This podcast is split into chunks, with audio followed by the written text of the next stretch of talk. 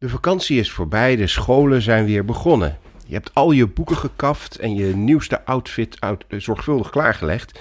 Tijd dus om auditie te doen voor de Glee Club. Je beste cheerleader moves te laten zien en een ware mathlete te worden.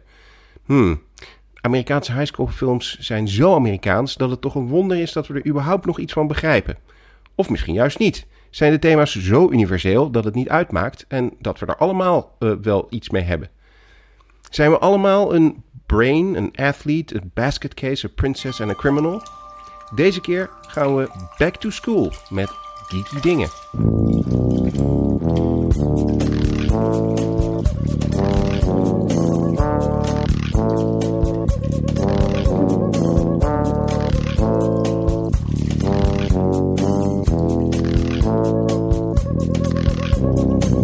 Mijn naam is Linda Duits en op de middelbare school was ik eerst een kakker en toen een alto.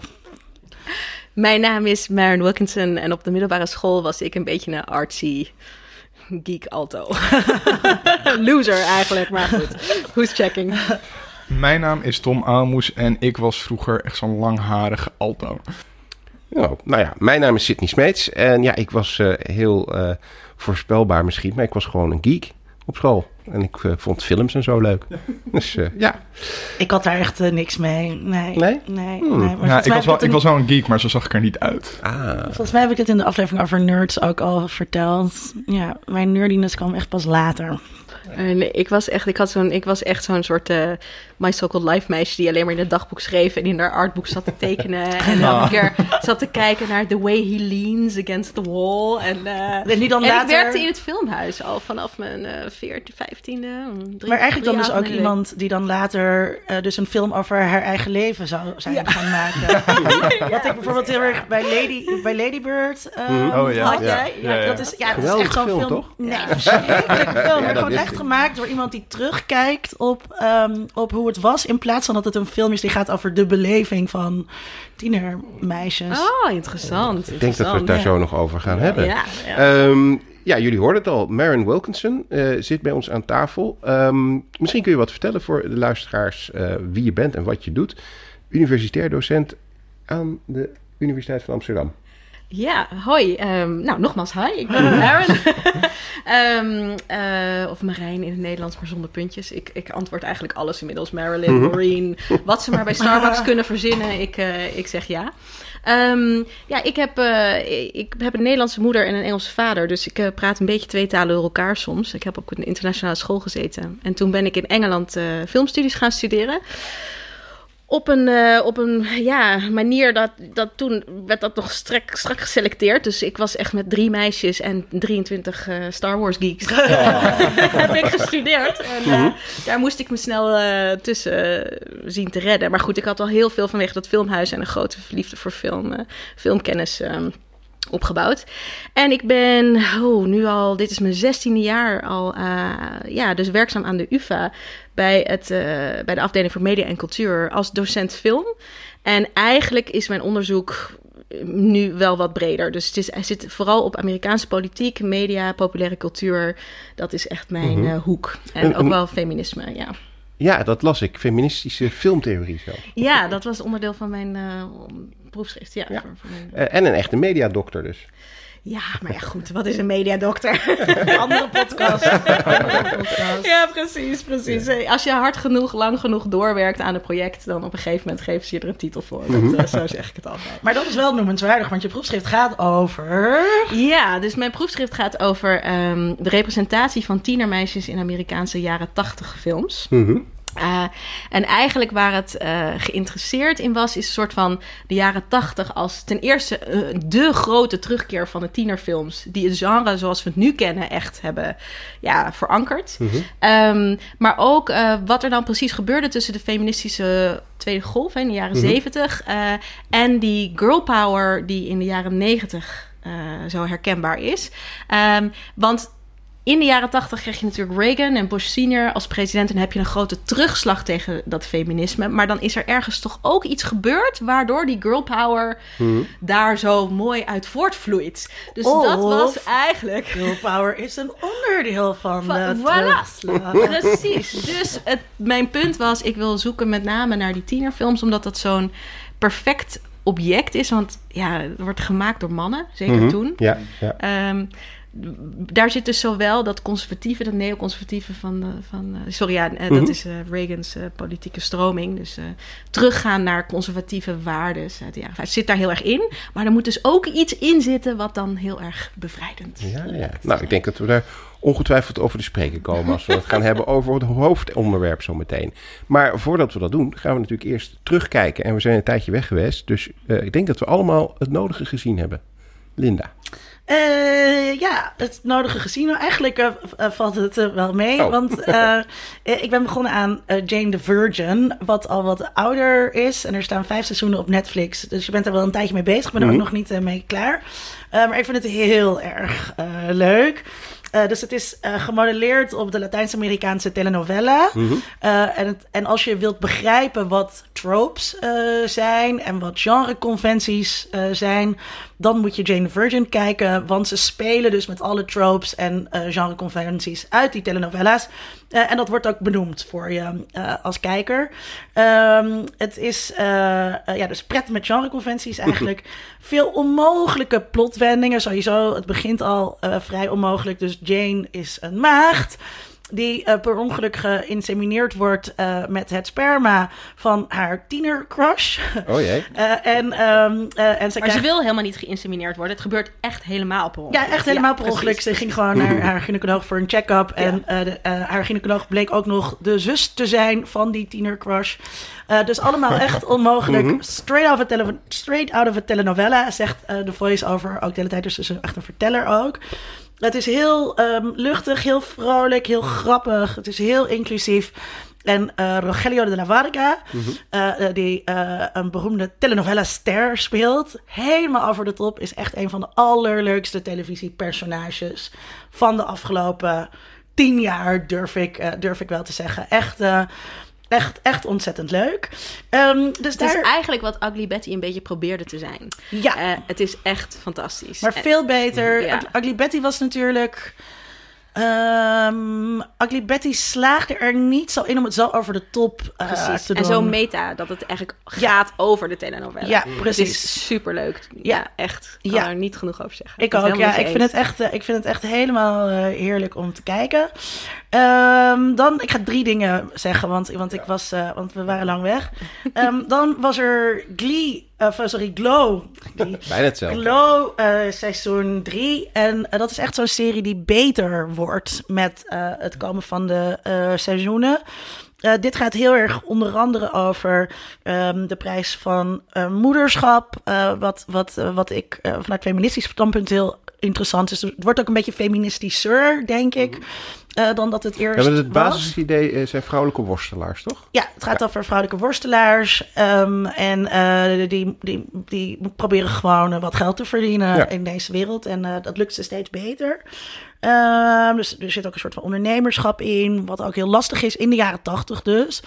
Eh, ehm, eh, en eh, ja, dus het zijn ook gewoon jonge vrouwen die geconfronteerd worden met barrières en daar dus op een bepaalde manier op reageren. En die kan eigenlijk niet anders dan feministisch zijn. Dus die wil ik even noemen als tips. En dan ehm, ben ik natuurlijk Euphoria gaan kijken. Ja, dat had ik, had ik je gezegd. Ehm, want dat moest ik van, van jullie. En ja, oké. Ik vind Dapper het hoor. echt ehm, een, eh, ehm, een eh, problematische serie. En eh, mensen waren er ontzettend enthousiast over. Mhm. Maar dat ben ik niet. Het is een serie van een Amerikaanse schrijver, een Mhm. man, Ja. die het baseerde op ervaringen uit zijn jeugd.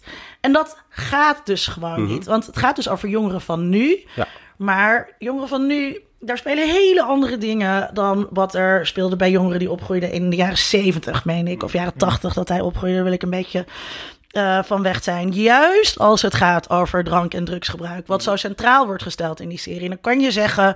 Ja, dit gaat niet over alle tieners. Het is helemaal niet bedoeld om te generaliseren. Maar als je een beeld wilt schetsen van jongeren nu. Ja, dat gaat gewoon niet door dat te baseren op eigen ervaringen uit je jeugd met pillen, pillen en drank. Dat is echt, vond ik echt bespottelijk. Ehm, ze, je ziet ook ehm, ehm, dat het, het is, het, het, het, het, het gaat heel erg over.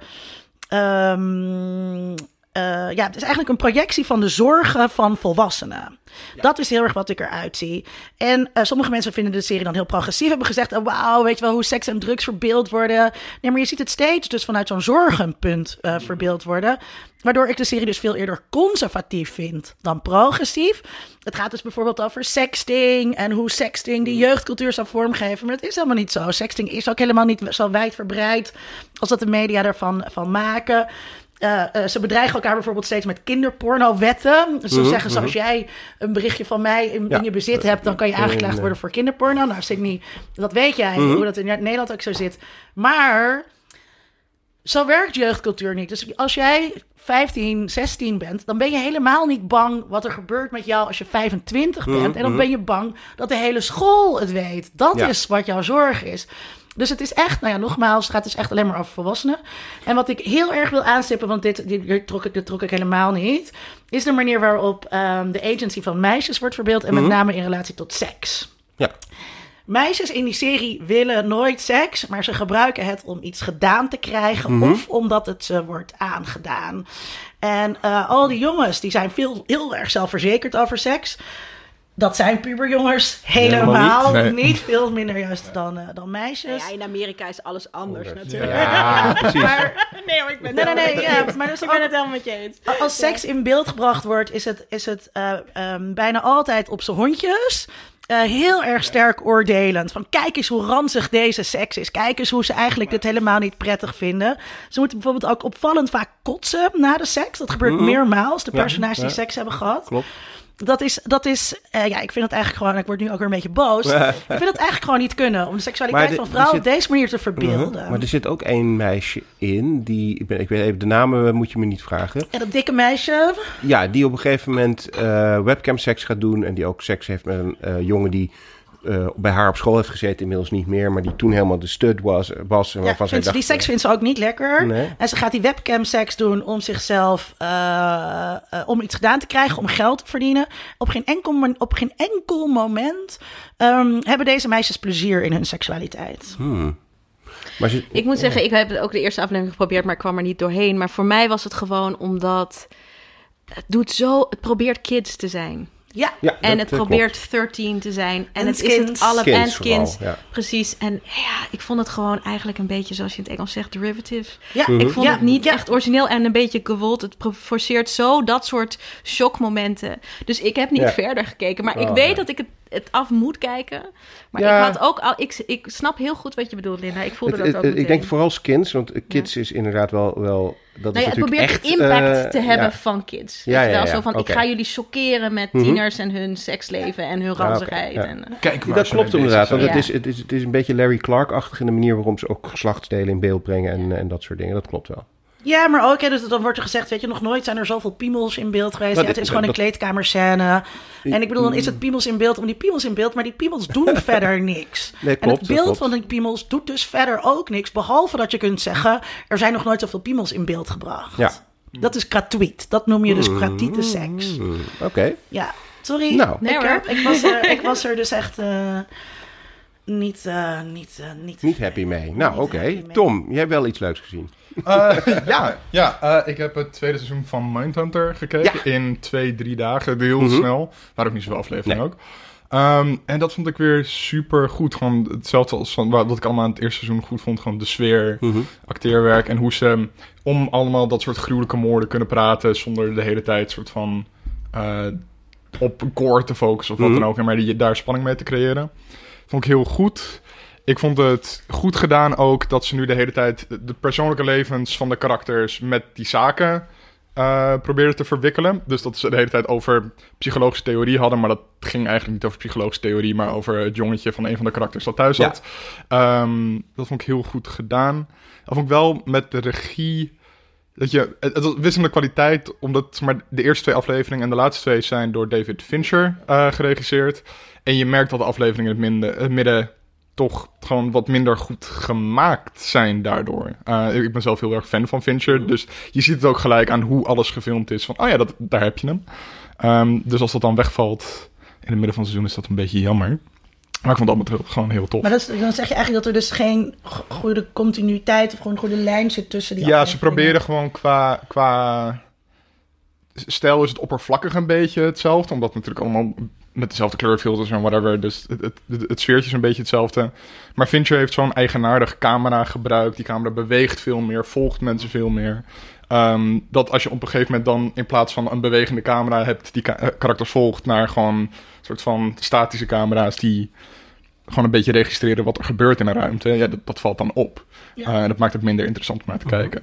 En hoe vond je de keuze? Want dit seizoen hebben ze ervoor gekozen om. eh, het was volgens mij het eerste seizoen niet zozeer. Want het eerste seizoen draaide er meer om dat ze die eh, Behavioral Science Unit aan het opzetten Ja. waren. En dan eh, nou ja, aan het ontdekken waren eigenlijk wat ze ermee mee konden. En dan gingen ze af en toe ook lokale politiediensten helpen om, om een zaak op te lossen. En deze keer was er eigenlijk een soort. Eh, naast het overkoepelende verhaal wat er sowieso al in zat, hè, de BTK-killer, Ja. die we nog steeds niet helemaal in beeld hebben. Maar goed, eh, zat het verhaal van de Atlanta Child Murders er, erin verwerkt. Hè? Dat Hmm. was een heel groot deel van het seizoen, ging daar eigenlijk eh, over. Hoe vond je dat? Ik vond het dus wel interessant om gewoon langer daarop in te gaan. Omdat je dan die weerstand ook ziet tegen gewoon wat, wat ze proberen eh, te doen. En dus ook de nieuwe focus die ze in dit seizoen hadden, die er wel erg dik bovenop lag. Van hoe politiek en law enforcement in Amerika met elkaar Mhm. vervlochten zijn. Ehm, dat burgemeesters verkozen worden met een bepaald platform, met een bepaald idee. Voor- we gaan voor bepaalde gemeenschappen opkomen. Ehm, en dat ze daarmee ook druk zetten op wat voor eh, dingen wel en niet onderzocht kunnen worden. Was het sociologisch interessant? Ja. Ehm, ja, nee, dus dat vond ik heel eh, eh, goed gedaan eigenlijk wel. Hoe vond jij dat? Ik vond het ook heel goed. Ja, nee, ik vond het heel interessant eh, dat ze gekozen hebben om dit seizoen net weer een iets ander soort structuur te geven Hmm. dan het eerste seizoen. Dat houdt het ook wat spannend. Eh, ik vond wel dat eh, Agent Ford. eh, eh, dat is ook de bedoeling. Dat, dat is niet een fout in de serie. Maar het is een bloedirritante eh eh vent. niet, niet uit te staan. Nee, en op een gegeven moment, dat ben ik wel benieuwd hoe ze dat volgende seizoen gaan, gaan doen. Want op een gegeven moment ga je er wel ook een beetje aan ergeren. En, en dat is natuurlijk ook de bedoeling van de serie. Maar op, op, op, tot op zekere hoogte is het ook niet zo leuk dat je naar een serie zit te kijken met een karakter waarvan je de hele tijd denkt van ben jij een enorme eikel. Nou, Ja, dat nou, Kan leuk zijn, kan, erg leuk zijn. kijken. Ja, dat klopt. Maar Ja. nou, dat, dat vond ik er dus net niet. Ik, ik Dat had dat je- ook heel erg ja. met het laatste seizoen van The Handmaid's Tale. Dat eh, June, eh, de hoofdrolspeler, Mhm. is gewoon heel naar het hele seizoen. Niet En dan- spoilen, niet spoilen. Nee, ehm, nee maar dat, dat is ook alles wat ik wil zeggen. Maar dan, dat, dat gaat je op een gegeven moment tegenstaan. Mhm. Ehm, zelfs als de serie dan nog steeds zegt van... Ja, ze is misschien een beetje gekkie, maar ze is nog wel goed hoor. Dat je van... Nou, Ja, precies. nou, ik weet het niet. Ja, ja, ja, ja. Dus, dus Agent Ford moet het volgende seizoen wel echt iets gaan, gaan doen... Waardoor je wel, weer eh, denkt van, oh ja, oké. Of dood. Nee, dat, Nee, dat is gaat niet. Hij gebaseerd leeft nog, Echt, eh, echt, echt Ja, karakter. ik ben echt Dus, super benieuwd, want ik ben ook groot David Fincher fan. Ja. En eh, iedereen die ooit bij mij komt studeren nog, hopelijk veel van jullie, eh, die gaat geheid een keer een David Fincher film of een videoclip tegenkomen. Want ik heb ze allemaal de route, route laten passeren en ik heb dit dus nog niet gezien. Dus, eh, Oh, oké. Ja, ik Ja, ben echt heel goed. erg Ja. benieuwd. Ik heb het een beetje bewaard om het eh, in de winterse donkere dagen. Nou, dat is een perfecte sfeer, want het, is, het, het is, het is heel sferisch, maar dat zijn Ja. al zijn films. De muziek is ook goed, vind ik trouwens. Maar ik vind Zodiac dus ook fantastisch. Ja. Dus voor mij is het, zal het de vraag zijn, en daarom heb ik er een heel klein beetje afstand van gehouden, of het gaat doen, of het zo goed is als Zodiac. Ja, het, het Ja, lijkt wel heel op erg op daarmee, Zodiac. ja. Ja, het lijkt heel erg op zo. Meer dan op Seven of zo, want Ja. Seven is natuurlijk veel sneller één verhaal, hoewel het onderwerp wel in de buurt komt, want het gaat ook over een serie moordenaar. Ja. Maar het is veel de meer dat... sfeer van Zodiac is Ja, veel meer dat, eh, eh, Ja. hoe noem je dat? Eh, pro- nee, ehm, procedure Ja, eh, eh, Procedural. serie. Ja, Procedural, ja. ja, ja, precies. Dus ja. Ja, eh, en ik had ook nog twee ehm, horrorfilms die niet echt horrorfilms waren gezien. Eh Midsommar en The Dead Don't Die. Eén is ook daarnaast nog een arthouse film, maar Mhm. ook weer niet echt. Ja, Eh, en The Dead Don't bedoelt. Die is ook weer een comedy, maar ook weer Ja. Niet echt. Uh, Midsommar had ik hele hoge verwachtingen van, omdat hij gewoon gloeiende reviews kreeg. Mhm. en, Van de maker van Hereditary. Ja, die ik nog niet gezien uh, heb. Staat op Netflix. Staat op En, Netflix. ehm, uh, dus ja, ik zat daar in de bioscoop enthousiast te Mhm. lezen en uh, te wachten tot het goed ging worden. en dat kwam maar Oh niet. my, oké. Uh, Mijn Zweedse vrienden zeiden, maar zo'n film maken we elk jaar. Nou, daar is hier een hype over. Maar ja. Ja, ik, ik, ik, ik had heel erg het idee dat het een soort van een regisseur was die allemaal helemaal goede ideeën had en ze allemaal half aan het uitvoeren was. Uh, ik vond het heel jammer. Je kon allemaal lijntjes zien van, oh ja, hier kan je iets mee. Dan Um, ben ik wel heel benieuwd hoe jij Hereditary gaat vinden, want het, het- er zit zo ongelooflijk veel overeenkomst tussen die films. Ja. Nee, maar het, het is dus gewoon... Uh, ik Was het dat- eng? Nee. Ja, als je Vond jij het eng, Maren? Ja, ik heb hem niet gezien. Nee, Nee, gezien. Maar jij vond. Hereditary ook niet eng, toch? Nee, dat was het dus. Omdat Ipe, Ipe Driessen de hele tijd zat te zeggen eh, in de Eeuw van de Amateur hoe eng deze film was.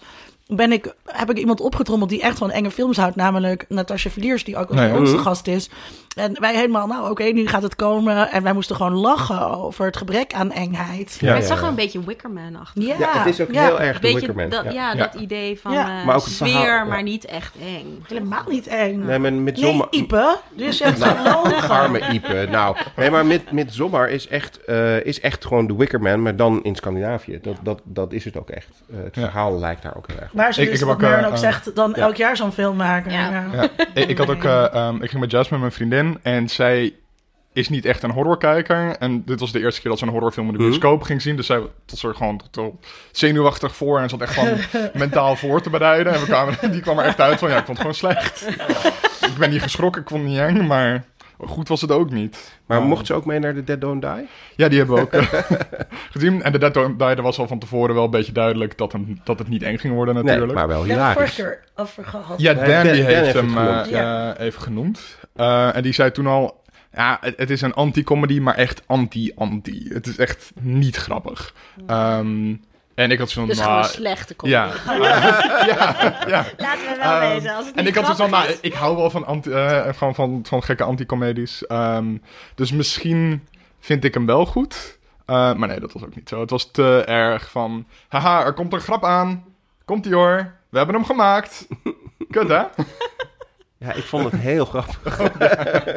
het, het, het, het was zo, het, is, het ligt namelijk zo dik bovenop en het is inderdaad zo anti-komisch eigenlijk, Ja. dat het daardoor weer grappig wordt.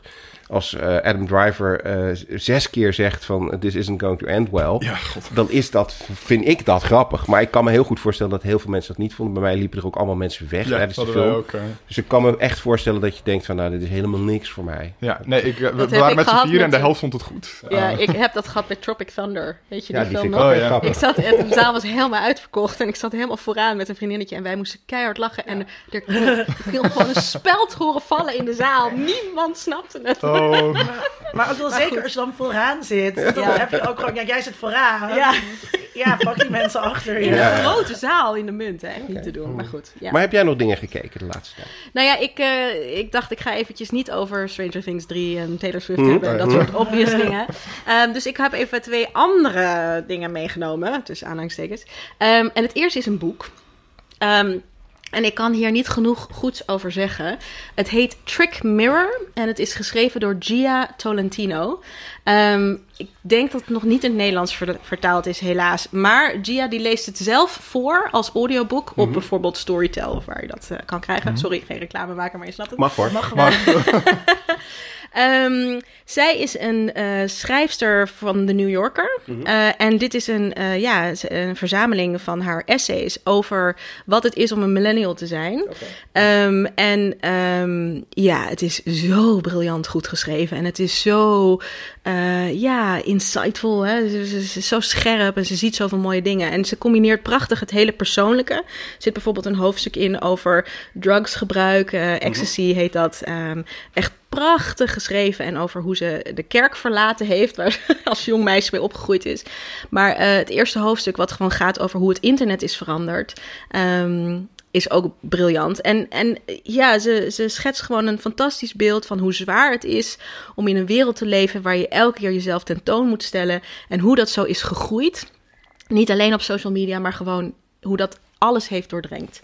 Uh, dus echt top tip, Trick Mirror van Gia Tolentino, kan het niet vaak genoeg zeggen. En helaas, ik bedoel, Amy Schumer kwam er ook al mee en Reese. Witherspoon is eh, internet al, eh, is er Instagram al opgegaan.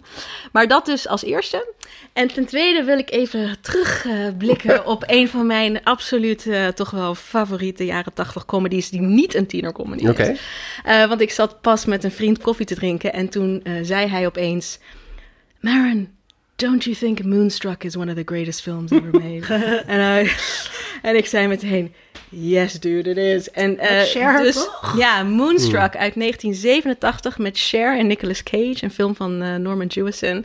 En het komt gewoon niet vaak voor dat een film zo perfect is dat echt alles klopt en alles bij elkaar hoort. En het gaat over Cher is een wat oudere en zij was in het echt ook al 40 en Nicolas Cage haar love Heel interest oud. was iets van 23, echt heel veel jonger, 22, 23. Volgens mij is de eerste film die hij maakte eh, na Raising Arizona. Dus het was echt de start van zijn carrière. Eh, en zij speelt een, ja, een, eh, een toch wat eenzame eh, dochter van Italiaanse familie met grijze krullen. Die eigenlijk de liefde heeft opgegeven en gaat trouwen met een, met een soort vriend van de familie. En dan eh, wil zij even met zijn broer eh, gaan praten om eh, ja, te vragen of hij ook op het huwelijk wil komen. Want die twee broers die zijn van elkaar vervreemd. En die jongere broer, dat is dus eh Nicolas Cage, eh, die in een eh, bakkerij werkt. Hij is broodbakker. ja, dus het meel stuift alle kanten op. En, eh, en hij heeft... eh, Zoals je, zoals je de klei hebt in Ghost. Precies, precies. Ghost is echt een, een zwak aftreksel van Moonstruck. En hij heeft een, een, een leren hand. Eh, want hij is zijn hand eh kwijtgeraakt. Oh. En eh, nou ja, goed, ze worden natuurlijk meteen verliefd. Maar het is te geweldig, ga dat zien. Dus ik wilde nog eventjes het vlammetje laten wakkeren voor de all-time klassieker die mensen vergeten. Iedereen weet nog wat When Harry Met Sally is, maar niemand weet Moonstruck meer te herinneren. En dat is echt geweldig. Oké. Ehm, nou, ik heb ook een paar dingen gekeken. Eh, onder andere eh, is er een nieuwe superhelden-serie op eh, Amazon Prime eh, gekomen.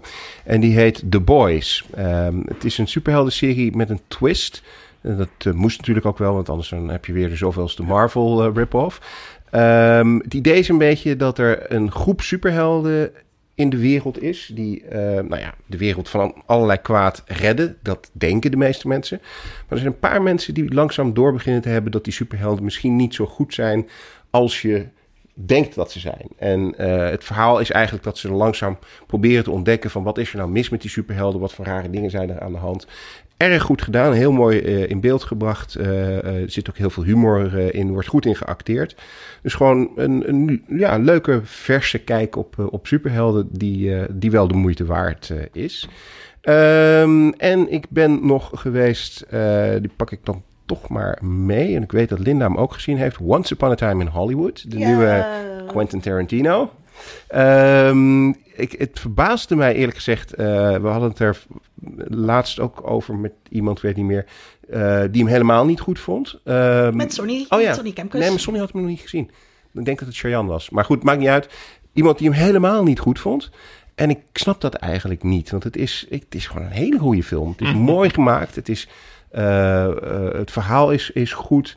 Het is goed geacteerd. Ehm, ja, ik zou me bijna niet kunnen voorstellen wat je er niet leuk aan vindt. Behalve dan dat hij misschien lang duurt. Als je daar niet van houdt, ja, dan heb je een beetje een probleem. Nee, dat Maar- Oh, ben ik niet met je eens, Sydney. Ik hou namelijk niet van lange Precies, films. dat wist ik al. Maar, eh, Bollywood, hij- Linda, Bollywood. Hij gaat, nee, maar het is, het is, het is, eh, ik vind dat er heel veel vaart in zit. En op een gegeven moment komt er eh, een keerpunt in de film zonder ook verder iets te spoilen. Eh, want ik denk dat het heel belangrijk is dat je open in deze film gaat. Ja, Ja, maar er komt een keerpunt. En toen dacht ik, nou, jeetje, komt het keerpunt nu pas? Eh, maar dat was op een goede plek. En ik vond dat er heel veel eh, vaart in zat. Ik weet niet meer wie dat was. Ik denk niet dat dat met mij was. Want volgens mij Nou. heeft hem nog niet gezien. Oké. Nou ja, in ieder geval, eh, Ik ga hem word altijd kijken. heel erg boos als mensen zeggen dat ze een film slecht vinden, alleen omdat ze er persoonlijk niks mee hebben. Mhm. Dan vind ik van, ja, maar dan mag je het niet evaluatief beoordelen. Weet je wat ik bedoel? Ja, dan als zeg van je horror gewoon. gaat, ga dan ook niet naar een Nou horrorfilm. ja, of ga er naartoe en zeg het is heel knap gemaakt. Ik heb er persoonlijk niet zoveel mee. En je gaat mij gewoon niet vertellen dat Quentin Tarantino een slechte film heeft gemaakt. Of ik er persoonlijk wat mee heb, is een ander verhaal. Nee. Maar hij is gewoon heel bekwaam. Ja, en dat dat gedaan. Ja, dat vind ik dus altijd een beetje boring. En die tribute van hem vind ik ook een beetje boring. Don't really care, eh, denk ik daarbij. Want eh, Quentin Tarantino is niet iemand waarmee ik eh, graag biertjes zou willen drinken. Volgens mij is hij helemaal Denk, niet leuk. nee, dat denk ik Nee. ook niet. eh, eh, op, eh, op, op, dat- op dat vlak. Ehm, eh, dus dat interesseert me eigenlijk niet zoveel. Maar wat het, wat het eh, en dat eerbetoon zit er wel in. Maar wat, wat, wat gewoon wat heel erg opvallend of wat heel fijn is, is dat het oog voor detail Ja. eh, dat erin zit. Dus het wordt echt het Hollywood van die tijd. Ja, precies. eh, wordt neergezet in prachtige kleuren. Dus je moet hem ook echt op het grote scherm gaan zien. Mhm. Dit valt weg op je tv, zelfs als je tv zo groot is als die van Sydney. Ja, dat klopt. Ehm, ehm, en dus die tribute eh, past Ja, nu maar- beter in de context. Juist. Want het gaat Ja. over, over Hollywood. Maar zonder dat ik het irritant vind. Want ik vind het dus soms bij, Quarantine, bij Tarantino ook wel irritant. Ja, ja, ik vind dat niet zo snel, want ik, ik, ik hou er wel van. eh, ook van zijn tributes in andere, andere films. Maar inderdaad, in deze film, wat dat betreft, is het een soort accumulatie bijna van alles wat hij gemaakt heeft. Want hier valt het allemaal precies op de goede plek. Hier is het allemaal precies zoals het hoort. eh, het past bij het verhaal, het past bij de film.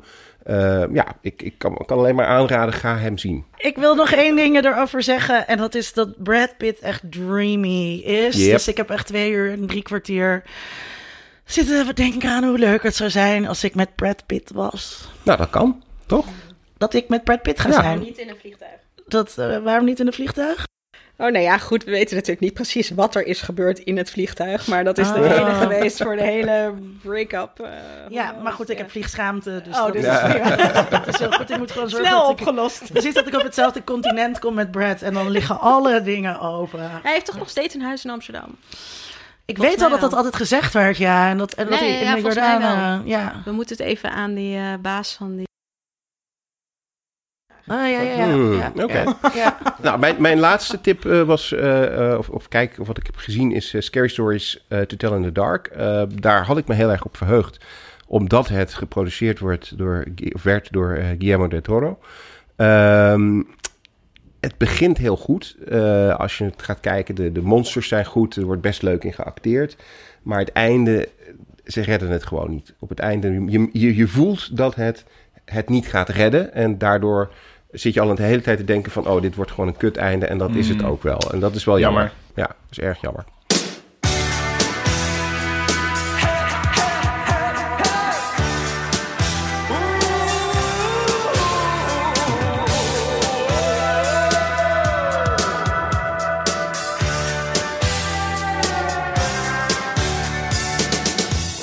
Scholen zijn weer begonnen, dus we hebben een Back to the School special van Geeky Dingen. Eh tienerfilms, high school films, alles wat ermee te maken heeft. En ehm, ja, ik denk dat we gaande het gesprek al snel op heel veel films uit de jaren 80 eh, komen. Dat Ja, lijkt een beetje de golden age van de high school Nou, eh, nou, nou, film. vlak de jaren negentig niet uit, zou ik zeggen. Nou, nou wat, wat was jouw favoriete high school film uit de jaren 90? Ja, ja. Ah, Clueless. Wat voor gekke vraag is Clueless, dit? Clueless. Clueless, Ja, dat is waar, natuurlijk. ja. en jou eens? Ik denk dat Clueless hem ook wel is, ja. Hmm. Is, is 2000. Dat is niet jaren 2000. 90. Net Oh, niet meer. Oeh, dat moeten we checken. Anders is had ik niet die gezegd. 1999? Nee, 2000. ik heb vandaag nog Oh, gekeken. goed, heel goed. ja. En jij, Cindy? Eh, ja, ik wou ook zeggen braadworst, maar eh, nee. Dan wordt het toch clueless. Ja. Oké.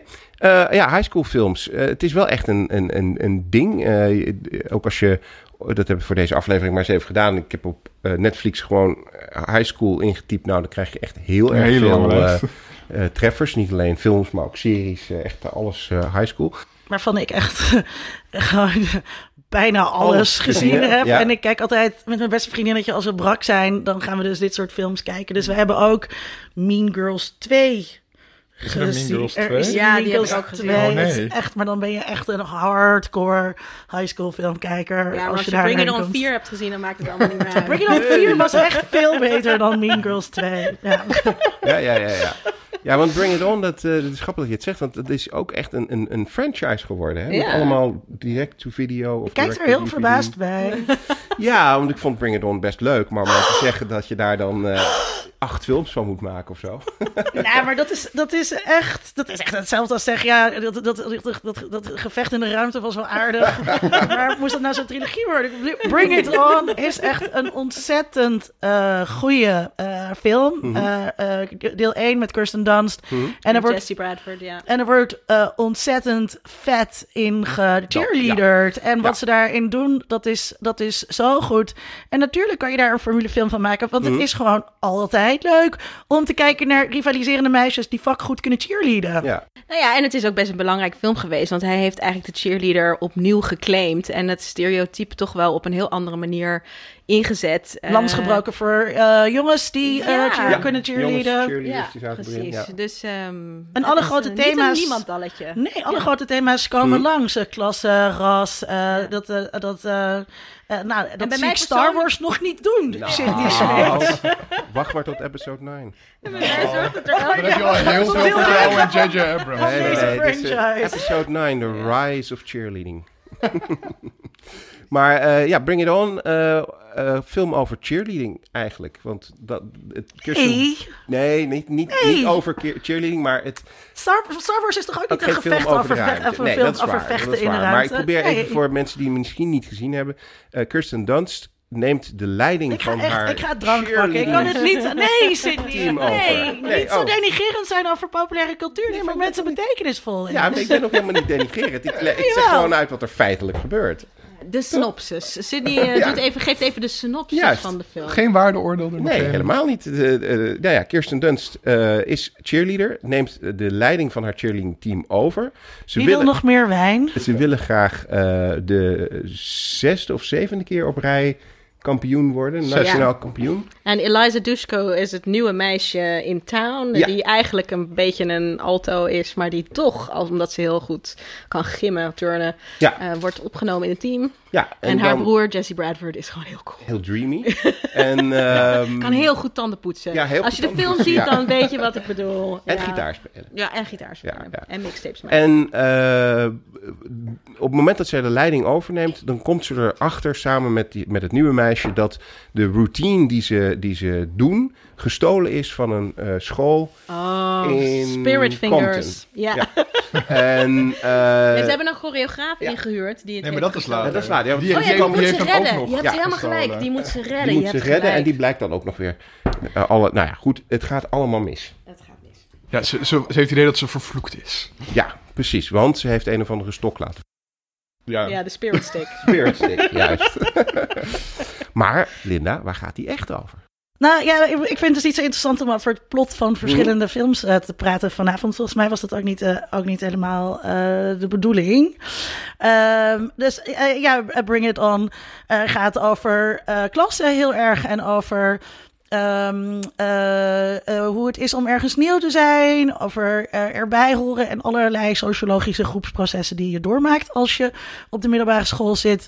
En om dan meteen even breder te pakken, daarom zijn die high school films natuurlijk zo aansprekend, omdat we allemaal op middelbare scholen eh, hebben gezeten, of vrijwel Mhm. allemaal, in ieder geval in het Westen op middelbare scholen zitten. En wat ik daarbij sociologisch extra interessant vind, is dat als je gaat vragen aan jongeren in Amerika, in Nederland, in België, in Zuid-Korea. Kan jij jou, eh, de groepen bij jou op school indelen en daar een naam aan hangen? Dan komen elke keer die groepen terug die we ook uit high school films ehm, kennen. In al die landen dus. En die lijken min of meer op elkaar. Dus overal heb je een soort concept van ofwel alto's of alternatief of een beetje outsiders. Je hebt overal dat concept van nerds. Je hebt overal het concept van mensen die heel erg sportief zijn. Ehm, dus eh, wereldwijd in westerse eh, landen, of nou ja, als je Zuid-Korea westers, tot een zekere zin westers wil noemen, wordt dat dus ehm, gereproduceerd. Ja. En eh, heb je dus, ehm, ja, vertellen die films ehm, verhalen over ervaringen die wij dus allemaal meemaken. En daar kan je jezelf heel erg gaan spiegelen. Ofwel op een nostalgische manier van eh, de middelbare school was de beste tijd van mijn leven. Of was een hele leuke tijd. Ofwel eh, die andere ervaring die heel veel mensen hebben. Het was verschrikkelijk. Ja. Ehm, en dat, daar kan je je dus aan spiegelen. En heel veel filmmakers hebben dat natuurlijk ook gedaan over hun eigen ervaringen. En daarom hebben we eh, eh, al die high school films. Omdat filmmakers, denk ik, ja, dat weet jij misschien. Kan jij daar iets over zeggen? Eh, kijken terug als zij net beginnen met film maken op een periode vo- daarvoor in hun leven. Ja, dat was dan altijd de high school. Ja, wellicht is dat het. Maar ik ben, eh, ik ben wat dat betreft ietsjes cynischer. Terwijl ik ongelooflijk veel liefde heb voor deze films. Hè. Laten we dat eventjes als eerst zetten. Mhm. Maar dat, eh, ook als ik het jou zo hoor beschrijven... dan denk ik, ja, hoeveel hiervan is eigenlijk een marketingstrategie? Want als jullie het goed vinden... wil ik jullie heel eventjes dan kort door de geschiedenis van de tienerfilm... Zeker. eh, Ja, ja, ja. meenemen. Ehm, want de tiener eigenlijk zelf als soort van identiteit is echt iets van na de Tweede Wereldoorlog. Dus heel veel mannen waren eh, natuurlijk omgekomen. Ehm, heel veel, mensen sowieso. En eh, eigenlijk stond er daarna een nieuwe generatie op die het had overleefd en die eigenlijk een nieuwe markt eh, vormde. En daarin is eigenlijk de rock and roll muziek, hè, Elvis is allemaal ontstaan. En toen kreeg je al wel een beetje van die groepen. Dus je had bijvoorbeeld de Greasers en de Bobby Sox Girls. Ehm, dus toen hebben ze al een beetje allemaal een soort van tieneridentiteiten op de markt gezet. En wat, wat daarbij belangrijk is, is dat eh, de periode na de Tweede Wereldoorlog de periode was waarin eh, tieners ook voor het eerst vrije tijd hadden. Voilà, dat wilde geld, ik net hè? zeggen. Maar als je, en, en, en in die vrije tijd en dat geld hebben ze dat natuurlijk gecultiveerd. Precies, ja. En dan krijg je ook eh, dat je dus in die tienerfilms van toen vooral de vrijheid eh, en de rebel, rebellion gaat zien. Dus de tieners die trekken er allemaal op uit in de drive-ins en die gaan naar de beach en die gaan er rock and rollen en het is allemaal vrijheid en rebel without a cause en bla bla bla. Fantastisch. American Echt. Graffiti. American Graffiti, precies. Wat heel interessant, een jaren tachtig film is die terugkijkt. Ehm, en daarna wordt het eigenlijk stil eh, in de tienerfilmland, of relatief gezien. eh, want het wordt een beetje commercieel opgepakt op televisie, eh, Gimlet en dat soort series.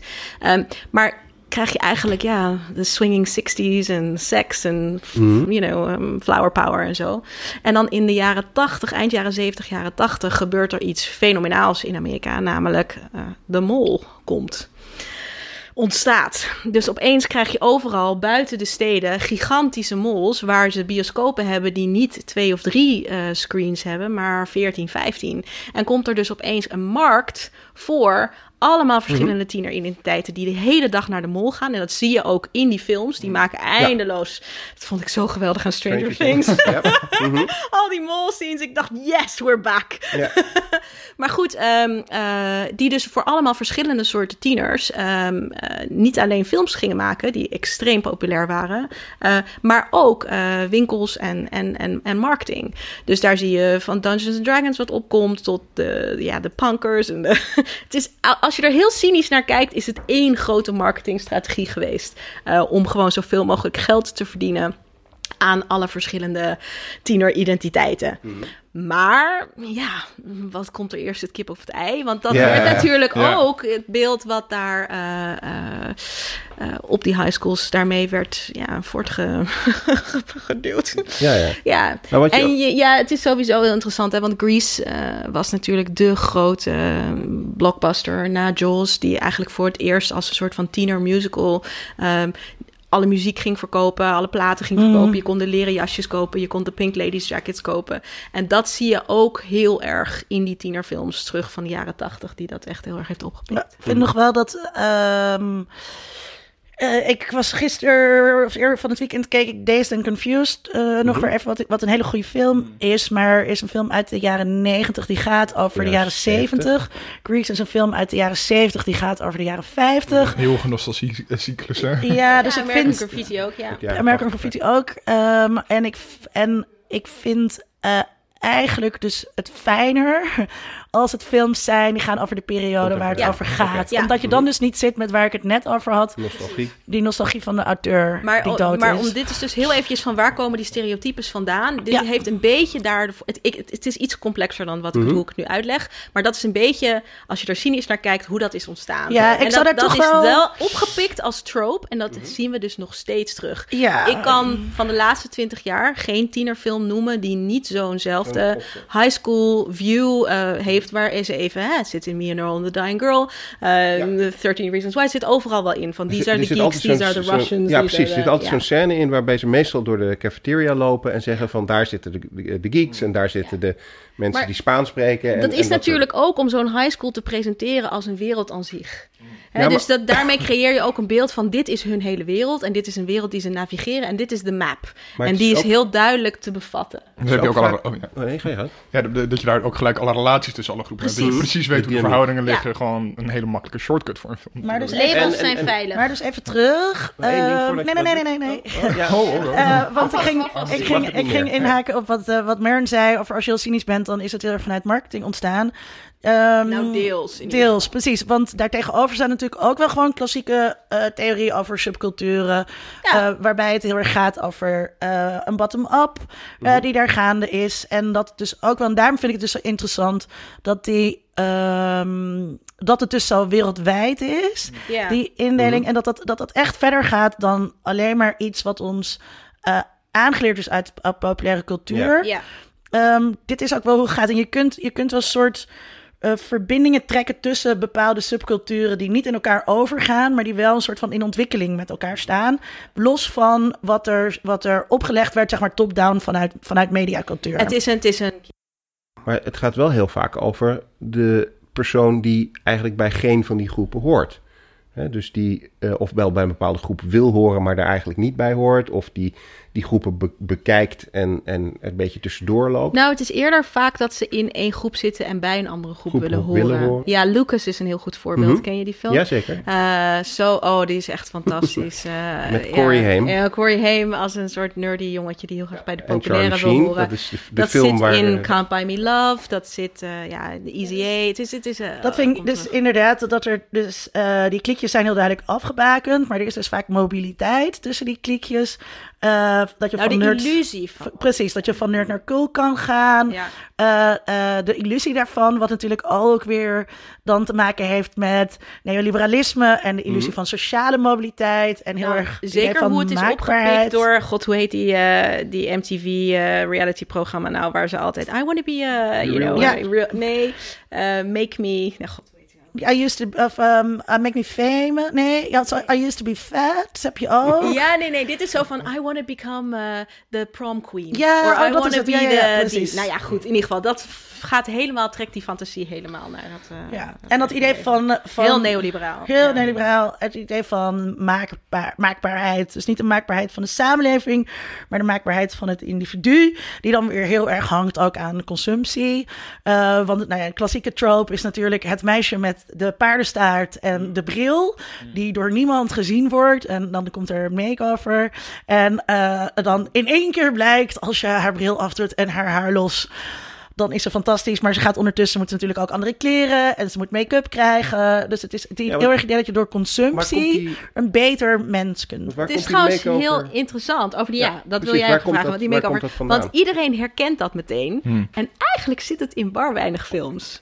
Er is één film die heet She's Out of Control. Oh, waarin met Tony Danza. Danza de vader speelt en zijn tienerdochter, zijn geeky tienerdochter, via een makeover wordt getransformeerd in het populairste meisje van de klas. En dat is typisch wat you know, She's All That ook een beetje kopieert. Ja, want hij zit toch ook in She's All That? Ja, absoluut, met die trapscène. Maar het komt, Teen Witch heeft het een beetje. Natuurlijk heeft eh, The Breakfast Club het aan het einde een heel klein beetje. Mhm. Mean Girls Eh, heeft het ook. Mean Girls heeft het ook, maar, het, maar zo vaak, we herkennen het allemaal als Mhm. dat is echt het ding. Ja. En het valt best wel mee. Ah. Eh, Stranger Things had het deze. Stranger Things had Ja. deze zeker weten met een fantastische mol eh Mhm. scene.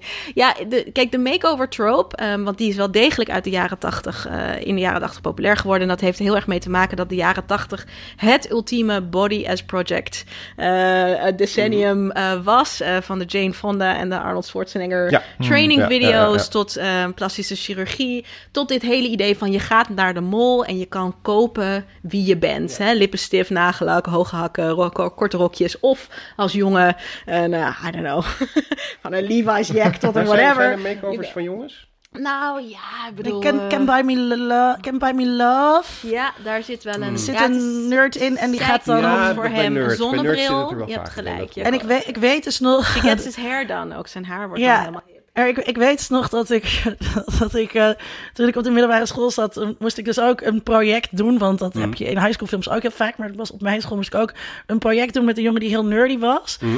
En eh, zijn ouders waren heel rijk. En toen eh, wilde hij dus ook hipper worden. Toen ben ik dus ook een keer met hem gaan shoppen. En toen hadden we dat ook wel echt zo vanuit die film of zo van... Oké, als ik dat, dat dacht hij ook. Als ik nu Mhm. coolere kleren koop. Had je dan ook zo'n muziekje op je Walkman opstaan? eh? Ik was met hem aan het kleren kopen. Dat is dan asociaal, Oh, Sydney. Ja. Nee. Maar, maar dat, en dus ik weet nog dat hij dus echt ook zo'n makeover deed. En dat dat dus wel... eh, want het is die film met ehm, Dempsey, weet je ook weer? Patrick Dempsey. Patrick Dempsey, ja. Can't buy me, dat is Can't Buy Me Love. Ja, Ja, ja, ja. daar zit het absoluut in. Ja, ja en Clueless pakt het natuurlijk op. Nee, het, ik bedoel, in die zin het komt wel vaak voor. Maar ik heb voor mijn proefschrift uit mijn hoofd het aantal tienerfilms wat kwalificeerde als waren er meer dan 600 eh, als tienerfilm in de jaren 80. En ik heb er 150 bekeken en dan valt het best wel. Ja, 150 echt actief bekeken Ja, ja. proefschrift. Eh, dan valt het best wel tegen. Dan gaat het eigenlijk heel vaak over andere dingen. Terwijl bijvoorbeeld die, die klikjes en die, de, bijvoorbeeld het virgin slut dilemma, blijf je een virgin of eh, dat, dat komt heel vaak voor. Ja, maar goed, de makeover is een heel interessant iets eh, als je het hebt over de politiek van tienerfilms. Want dat is precies een van de dingen waar ik uiteindelijk bij terechtkom als zijnde waar nou precies dat spanningsveld zit tussen is het nou een terugslag? Want eigenlijk zit daar dus dat ja, hele conservatieve waarden. Je, je kan jezelf kopen of nee, sorry, je kan dingen kopen om jezelf te maken tot het beeld wat je wil zijn en dan ga je dus van de virgin naar de slut of dat soort dingen. Dat is heel erg naar een normatief ideaalbeeld ook. Precies, precies, precies. En, eh, en hoe word je het mooie meisje wat klaar is om te gaan trouwen of om weg te geven worden. Precies dat soort dingen, voornamelijk voor meisjes. Maar die, die maakbaarheid van identiteit is dus precies ook waar je dus juist die girl power uit de jaren negentig eh, in, in terugziet.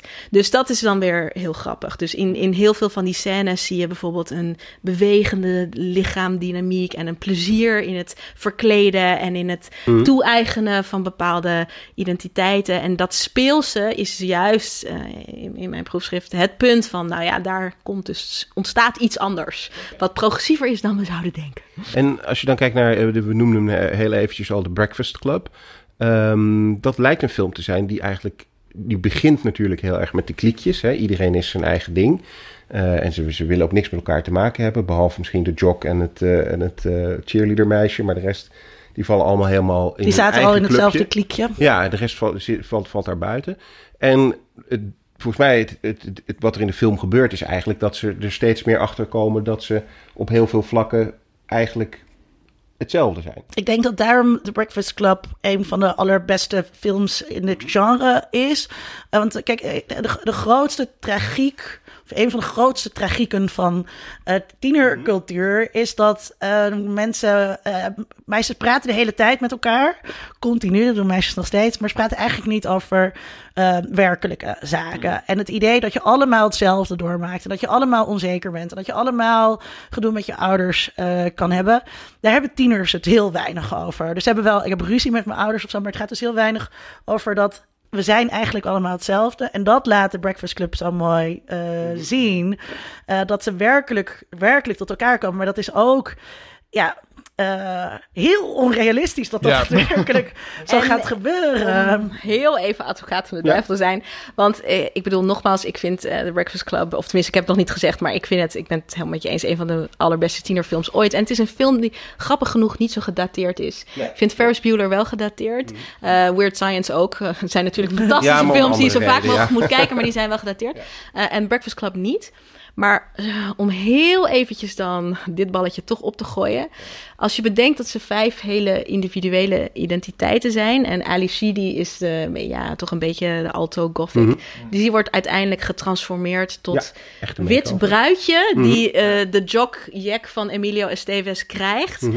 En eh, ja, de criminal die krijgt een diamanten oorbel van Molly Ringle. Dus met andere woorden, je Eh, zou kunnen hij de hele tijd beargumenteren... aan het harassen is. De hele film. het harassen door. is. Dat- Ja, ja. oh, je zo zou awkward. dus kunnen beargumenteren dat de, die, de, de rijke kinderen die andere twee eigenlijk Annexeren. soort van veilig stellen Ah. door ze te letterlijk, eh, hoe zeg je dat nou, ornate them, ze Te versieren. te versieren met middelklas. eh, Ja, dit, ik, ik heb hem voor het eerst gezien. eh, ja, en dan, terug en dat- dan ik blijft de arme nerd mee. blijft over, die gered is omdat hij uiteindelijk het essay schrijft. Dus ook niet Ja, meer ja, ja. stout is. Maar ik bedoel, dat maakt het niet minder gelukzalig. Ja, Eh, wat ik- hij wat ik- wel, hij probeert, hij corrigeert dit met Some Kind of Wonderful. Hè? Ja. Want in Some Kind of Wonderful laat hij het alto meisje uiteindelijk het alto meisje soort van zijn. Ook al heeft zij ook diamanten En, oorbellen. en hij Tom- is John Hughes in dit geval. Ja? John Hughes, sorry. Tom, ja. jij had hem dus eh, nog, nog Nee, niet had eerder gezien. gezien, Wat nee. eh, vond je? Nou, ik, ik, dus, dus wat, wat daarnet hier al gezegd, ik vond het heel goed dat het dus inderdaad gewoon het, we zijn allemaal eigenlijk een beetje hetzelfde en gewoon die emotionele diepgang die het Moest aan tieners geeft, ja. Ehm, Geluk. gewoon, maar, maar gewoon de emotionele diepgang en Dus eh, when die aan tieners geeft en your hoe serieus eh, eh, ze genomen worden. Ehm, Hoe serieus genomen worden? ja, dat is dat, dat de film z- zit niet met tienerproblemen van haha, tieners, je komt er later wel achter of whatever. Het is gewoon echt zo van nee, deze problemen van deze tieners zijn echt problemen waar zij mee dealen en daar kunnen ze het nu met elkaar over hebben. Wat dan niet realistisch is, maar het is wel mooi om te zien. Ehm, ehm, maar tegelijkertijd vond ik soort van een beetje de gender politics die ik Ja, maar- wel heel gedateerd vond. ehm, die dus in. Dus- Nee, nee. Ehm, die gender politics zijn natuurlijk nog steeds zo geldend op middelbare scholen. Ja, ja. Dus als je kijkt zeg maar, naar etnografisch onderzoek dat er nu gedaan wordt over zijn, eh, gender- en seksopvattingen, over jongens die players moeten zijn, dan is dat dus helemaal niet gedateerd. Wij voeren er een ander gesprek over Ja, in de media als het gaat over, over, over, over MeToo en seksuele intimidatie. Maar als je nu in Nederland aan jongens op scholen gaat vragen, weet je wel, eh, hoe versier je een meisje? Door haar lastig te vallen en Ja. haar achterna te zitten. Nee. En, eh, eh, dus, en al die dingen, ja, dus dat wou ik even aantekenen. Ja, dat- dat, Mhm. oké. Dat, dat snap ik wel, maar ik vond het nog steeds awkward om te zien in de film. En dat, dat vond omdat ik het in heel de film raar. niet veroordeeld wordt. Ja, dat. Dus, dus in de tekst wordt hij, hij wordt in de film wordt hij zeg maar aan het einde wordt hij beloond eh, voor het gedrag. Ja, maar dat is wel hoe de wereld werkt. Dat is dus weer wel Dat is onrechtvaardig. En wat vond je van eh, Anthony Michael Hall? Dat is de nerd in de, in de film, maar ook in Weird Science en in eh, Sixteen Candles. En nou, zeg maar alle, nou niet alle, maar in heel veel tienerfilms eh, speelt hij eh, de, een beetje de jongen die wat nerdy-achtig eh, eh, is. Eh, op een gegeven moment zitten, zitten ze met elkaar, met elkaar te praten over nou, hoe vreselijk het leven wel is. En dan komt bij hem aan bod waarom die nou daar in die, in die eh, detention eh, zit. Oh, waarom was dat ook alweer? Dat moet ik Omdat vergeten. dat lampje niet aanging, weet je nog? Nee, ja, hij- Oh, waarom hij... Ja, oh sorry, een gun bij zich had. Ja. Zijn lokker. Ja. Oh, Omdat sorry. een Ik dacht in dat je het even lokker- over waarom hij een einde aan zijn leven wilde Nee, maken. Ik dacht ja, dat je nee, dat bedoelde. Nee, dat is wel grappig, want daarna wordt, nee, goed, inderdaad, daarom had hij wordt, een het, gun wordt, bij het, zich, wordt het wel, wel weer grappig en, en licht. Ja. Wat mij opviel, want ik herkeek hem eh, voor, voor deze aflevering, is op het moment dat hij dat dus begint te vertellen over dat hij een gun in zijn, eh, of een pistool in zijn lokker eh, had, dat, dat is natuurlijk ontzettend actueel. Eh, dat, uiteindelijk blijkt het dus om iets heel anders te gaan en wilde hij zelfmoord plegen. En nou, wilde hij dat eigenlijk ook weer niet, want het was allemaal niet zo heel, heel, heel spannend wat er aan de hand was. Ehm, maar ik vond het, vond het heel interessant om te zien dat je, dat je nu we dus in een cultuur inmiddels leven waarin op scholen dit soort eh, eh, ja, onthullingen meestal een andere eh, uitkomst hebben. Ja, grappig. Ja. Ik heb me altijd afgevraagd of het... ehm, en nu ga ik het even, even over heel erg soort Mhm. van stereotyperende motieven in films eh, hebben. Mhm. Maar of het niet een code is om te zeggen dat he's gay. Omdat Oh, to oké. have a gun in a locker... Hè, een gun is natuurlijk een soort van phallic symbol... en in een locker is, is een soort van in de komen. closet. Ja, Mhm. dus ik heb me altijd afgevraagd of dat John Hughes een manier was om dat te zeggen. Maar ook hè, die, dat hij daarmee zelfmoord wil plegen. Het is natuurlijk heel dubbel op Ja, ja, dat he doesn't fit. En it, his light wouldn't go on. En ja, ik, ik, het is, ik, heb, ik snap wat je zegt. Maar tegelijkertijd zie ik niet die connectie met dat mm, soort van... Nee, dat eh, was toen denk ik ook helemaal niet. nog niet, ja, ding, dat is absoluut waar. Ja, je hebt, Dat in, een- in 1979 maakte de Boomtown Rats al het liedje I Don't Like Mondays. Ja, En eh, Nobody's Gonna Go to School Today. Mhm. En dat gaat al over Over high school school shootings, shootings. ja. Ja. dus het Ja. is niet... Dus het fenomeen ehm, shootings is natuurlijk geëxplodeerd in de jaren 90. Met ook heel veel media-aandacht, maar het bestond daarvoor al wel. ja. Maar dat is volgens mij niet wat John Hughes Met die, daarmee dat Nee, bedoelt dat- dat vind ik ook niet. Nee, Nee, het gaat echt over suicide. En het is echt, het is meer een soort van, wat natuurlijk ook opgepikt is in 13, 13 Reasons Why en dat soort dingen. Dus teen suicide, ja. Hoe belangrijk eh, is het, John Hughes? Kunnen we dit voor, het- voor het vestigen zeg maar, van de conventies van het genre en de tropes? Als ik kijk naar tienerfilms van nu, die goed zijn, Zijn er nu Eh, nog Dat zijn er best. Ja, oh, ja, mijn goodness. ja, die zijn ze ook. wel. My goodness, mijn goodness. zei ik net. Er zijn, als ik, eh, dus op Netflix. Netflix is heel belangrijk nu. Hmm. Dus ehm, To All the Boys I've Loved Before, Sarah Burgess is a Loser, Alex Strangelove, The Kissing Booth, The Perfect Mhm. Date, The Candy Jar. Op een andere manier. Kissing Booth, the fucking World. superleuk. Alice Burgers is a loser, ook superleuk trouwens. Echt Ja, To All the. Boys I Love Before is, Is ook heel fantastisch. leuk, ja, Eh, maar ook Edge of 17, The Dove, Spectacular Now en ook Stranger Things. Kijk, die, de- hun ode aan de jaren 80 films zou niet hebben bestaan zonder... Of tenminste, laat ik het zo zeggen, is gewoon linea recta John Hughes. Ehm, maar having said that, eh, zijn er natuurlijk zoveel andere jaren 80 films, tienerfilms, die heel belangrijk zijn geweest. En ook jaren 90 voor bijvoorbeeld de Duffer Brothers, die wij vergeten, omdat wij altijd overal alleen maar John Hughes eh, zien. Dus ik vind dat wel eh, echt eventjes belangrijk om op de kaart te zetten. Dat hij is nu een soort van de poster child of Mhm. High jaren school 80 film. tienerfilms, precies. Ehm, eh, en die zien we ook terug. En dat is ook heel belangrijk, want het is echt heel... Zijn films, they stand the test of time, zou je zeggen. Ook al zijn ze wel ook problematisch, hoor. Mhm. Maar wat ik bedoel, is je favoriete John Hughes? mm,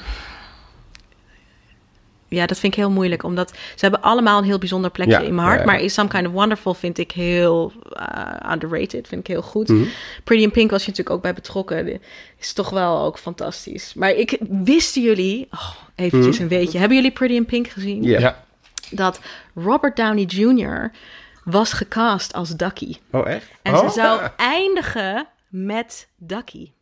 Oh. En dat wil, ging natuurlijk allemaal niet zo goed met Robert Downey Oh, Jr. ja, ja, in de ja, jaren ja, 80. Is hij vervangen door, oh god, zie je, nou ben ik zijn naam even vergeten. Nou, maakt niet uit. Maakt niet uit. Eh, de acteur die Mhm. Ducky speelde. Eh, en werkte dus eigenlijk die hele, eh, dat ze samenkomen niet meer. Hmm. Eh, en hebben ze eh, die hele laatste scène opnieuw moeten filmen. Toen Andrew McCarthy zijn haar al had afgeschoren Oh, voor echt? een oorlogsfilm waarin hij zat. Dus als je naar die laatste scènes is, kijkt, dan zie je dat hij een pruik op heeft. Dat Oh nee. opnieuw Oh, hebben dat gedaan. Maar goed. Pretty in Pink Ja. is ook wel heel bijzonder, vind ik. Ja, maar... ehm, John Cryer. John Cryer natuurlijk, ja, van Two and a Half Men ook inmiddels. Nee, dus er zijn heel veel jaren tachtig eh, films die ook heel belangrijk zijn geweest. eh, die eigenlijk minder zichtbaar zijn eh, in het oeuvre. Maar die ik ook heel erg herken. En de, de, mijn allergrootste tip wat dat betreft is een film die The Legend of Billie Jean heet. Ja. En als jullie deze nog niet gezien hebben, gaat dit zien. Dit is zo'n cultfilm dat er in Amerika bioscopen zijn die op elk moment altijd wel The Legend of Billie Jean Oh, draaien. Ja, en wij hebben hem hier eigenlijk nooit gezien. Wij kennen hem niet.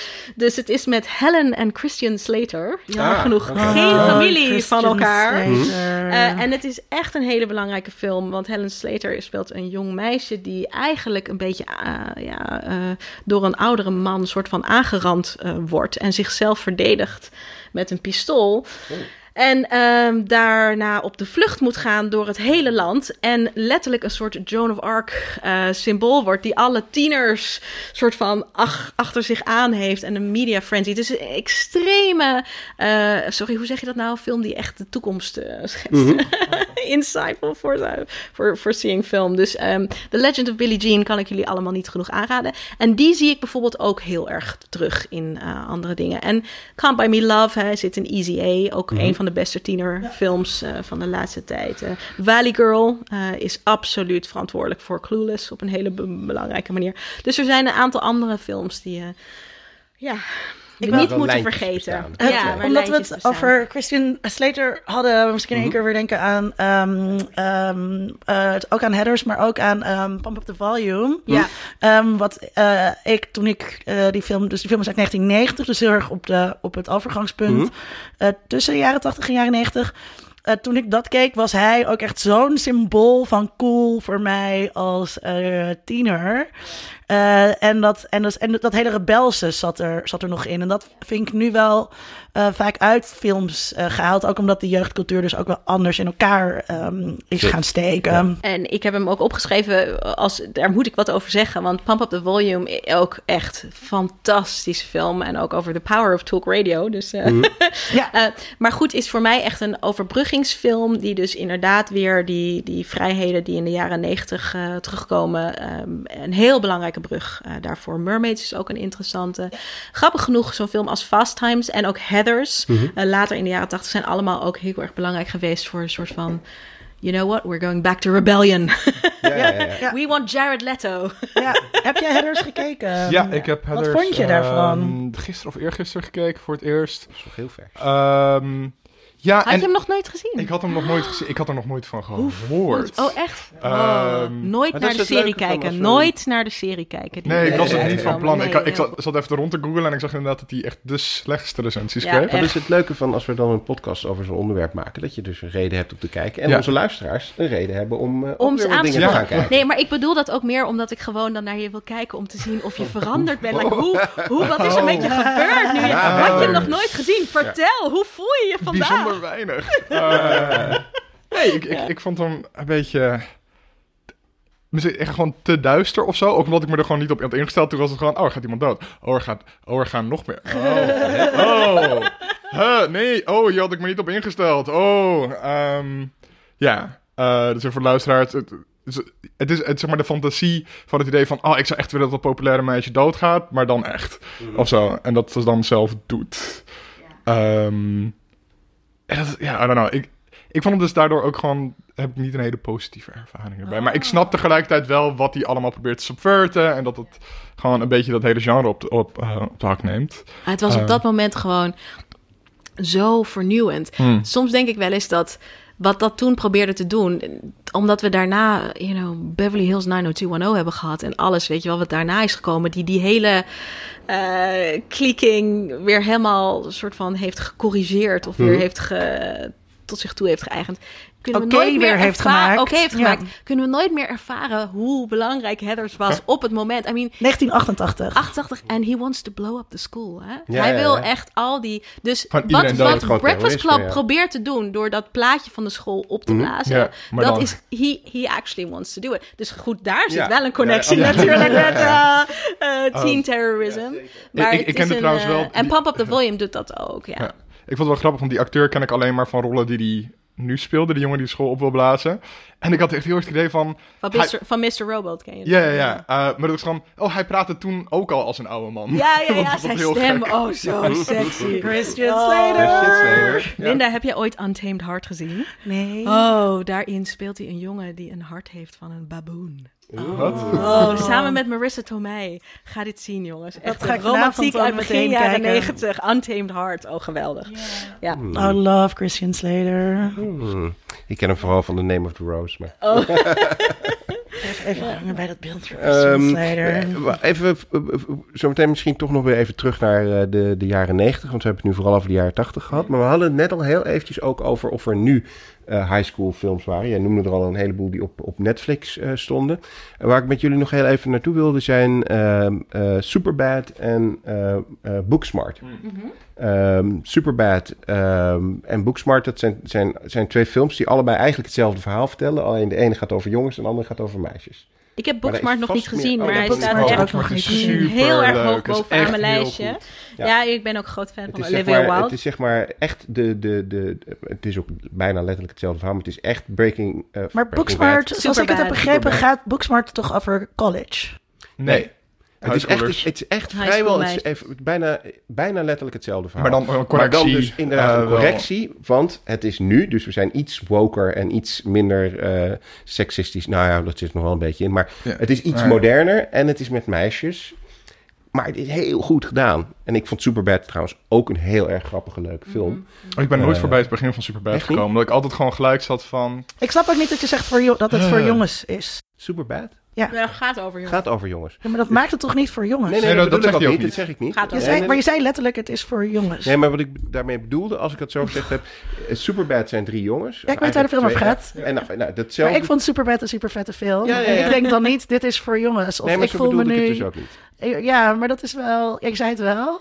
Ja, maar En ik het- denk wat, het nee, maar ik wil even tot Sydney's eh, dat, rescue? rescue komen, want hij bedoelde meer van dit is het verhaal soort van voor de, voor de jongens, waarin dat met de jongens gebeurt, en dan hetzelfde verhaal voor de meisjes, zo van meisjes karakters is wat Booksmart doet. Ja. Ik heb dat ietsjes anders begrepen, Linda, dus ik, Ja, ik, ik ook. ben het met je eens, maar ik voelde dat niet zo, want ik zou daar namelijk ook meteen over vallen. Maar ik vond Superbad dus wel een hele leuke film. En Booksmart eigenlijk nog leuker, omdat Ja. die gewoon ja, nu is. Dus je, je- Ja. de dingen waar je je nu zeg maar in, in, in, in Superbad een beetje aan begint te ergeren, ja, die hebben ze gecorrigeerd in, in eh, Maar ze gaat toch Booksmart. heel erg feesten in Booksmart? Dat is toch het idee? Ja. Ja, maar dat doen ze in Break, eh, Breaking Bad. Superbad. Superbad ook. eh. Ja, maar dat is dus... Dan krijg je datzelfde probleem weer als wat ik bij Euphoria had. Mm, Mm, nee. nee, denk ik niet. Je moet, hem, he- je moet hem echt even gaan kijken, want het is echt wel Het is maar echt ja, een leuke film. echt een goede film. Oh ja. ja. Ja, ik ben, hij, staat, eh, hij was een van de dingen voor mijn toekomstbeeld. Maar ja, lekker dan eh, Ik kreeg, hem ook, eh, ik kreeg hem ook al aangeraden. Hij staat bij mij ook op de Nee, lijst. er zijn ongelooflijk veel goede tienerseries. Want dat is wel heel erg belangrijk als we het over tienercultuur in de jaren negentig nog even hebben. Mhm. En wat nu dus ook nog steeds heel erg goed werkt, is tienerseries. Mm. My So-Called Life. My So-Called Life, maar niet alleen dat. Buffy, obviously. Ja. En Mm. ook Dawson's Creek moeten we echt niet vergeten. Eh, Freaks and Geeks. eh, Ja. eh, Grappig genoeg, My So-Called Life en Freaks and Geeks zijn wat mij betreft de twee meest perfecte tienerseries ooit gemaakt. Alle twee door MTV en ze hebben maar één seizoen lang Ja. geduurd. Maar goed, en dat, dat wordt nu ook nog steeds weer opgepikt. Tienertelevisie is, eh, is really where it's at, eh, vind ik. En, eh, Maar het is een beetje een andere spannend. aflevering.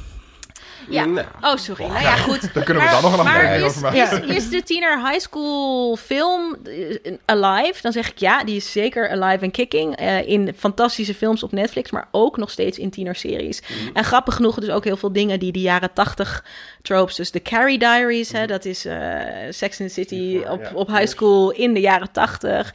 En dan hadden we pas Sex Education en dat soort Mhm. dingen. Die, zetten, die nemen al die tropes over. Ik in keek gisteren letterlijk, maar dat pas eigenlijk in mijn vooruitblik gaan zeggen. Gisteren keek ik een aflevering van Dairy Girls, Ja. waarin de Carrie scene eh, zit, met Oh, ja? het, waarin ze het bloed eh, over zich heen krijgt terwijl ze op Oh, een ja. podium staan Ja. bij de Oh. prom.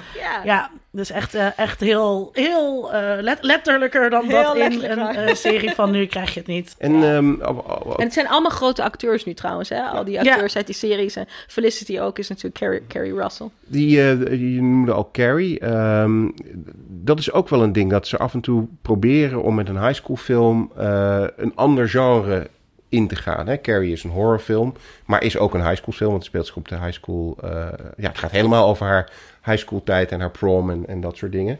Eh, je hebt heel veel horrorfilms trouwens die zich op high schools afspelen of die helemaal. eh, Nou, dat wilde ik net zeggen, want het tienermeisje als Ja. soort van eh standard trope in horrorfilms is natuurlijk eh, heel bekend. En daar kan je best wel wat over zeggen vanuit een soort van filmtheorie.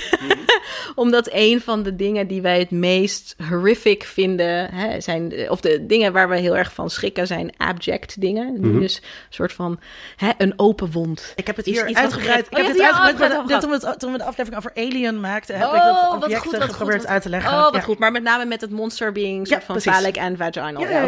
Ja. Maar goed, het tienermeisje als soort van eh, ja, landgoed is denk ik de beste manier om Hmm. het eh, te beschrijven. Waarop dit soort tegenstrijdigheden plaatsvinden. En dus die het ultieme lichaam letterlijk vormen voor de horror is, eh, eh, is, is ja, gewoon de, de trope. Ja. En ik moet altijd zeggen dat ehm, in The Exorcist zit Mhm. natuurlijk die scène, ja, daar moeten we het dan heel even over hebben, waar ehm, het meisje het kruis letterlijk in haar kruis Ja. steekt en haar moeders hoofd naar binnen doet. Nou, dat zijn echt de vijf taboes van de tienermeisje bij elkaar. Dus Mhm. menstruatie zit daar natuurlijk in. Dat is waar Carrie eigenlijk ook over gaat. Ja.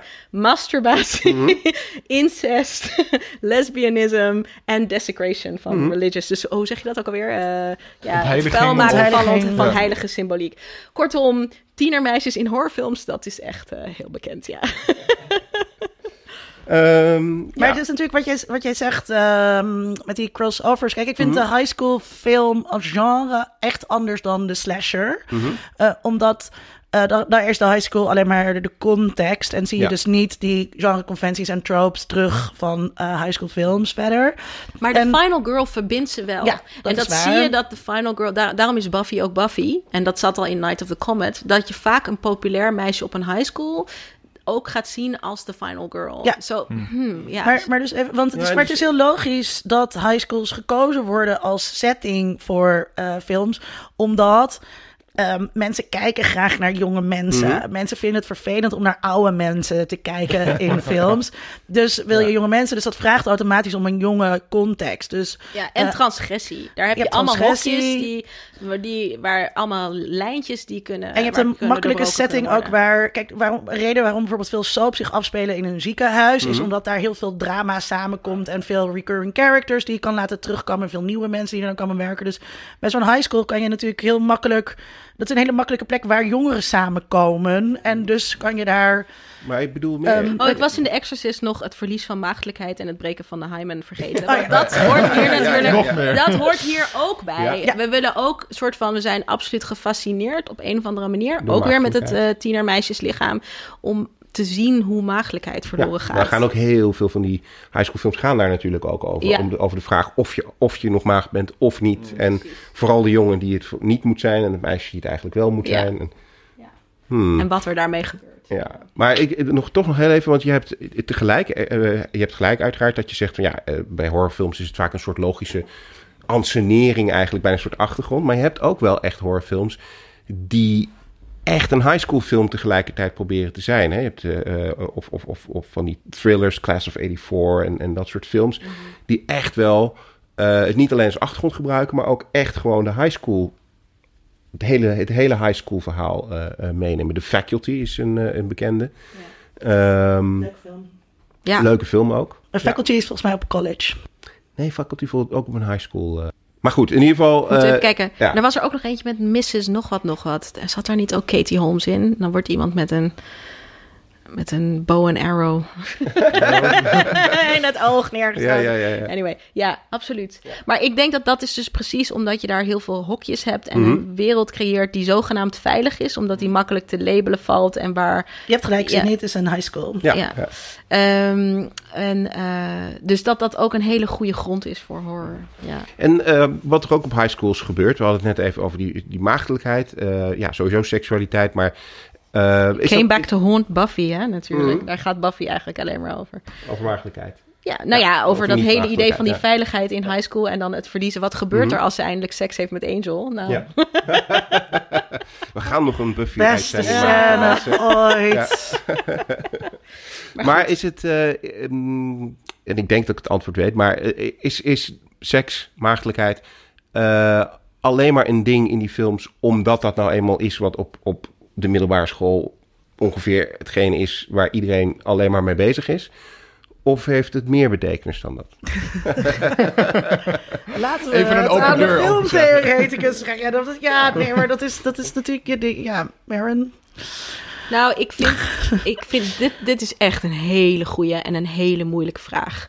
Want kijk, hier zien we wel echt de, de dominantie van Hollywood. Mhm. hè, in het scheppen van een eh, Amerikaanse high school als beeld wat wordt geëxporteerd. eh, waarbij de preutsheid en dus dat idee van het meisje moet maag blijven... ehm, gewoon altijd veilig wordt gesteld. En dat is bijvoorbeeld, ik vind Easy A echt fantastisch. Mhm. In Easy A hè, loopt een meisje eigenlijk te koop met het feit dat ze, of ze verkoopt letterlijk het feit dat ze het zogenaamd met mensen Mhm. doet.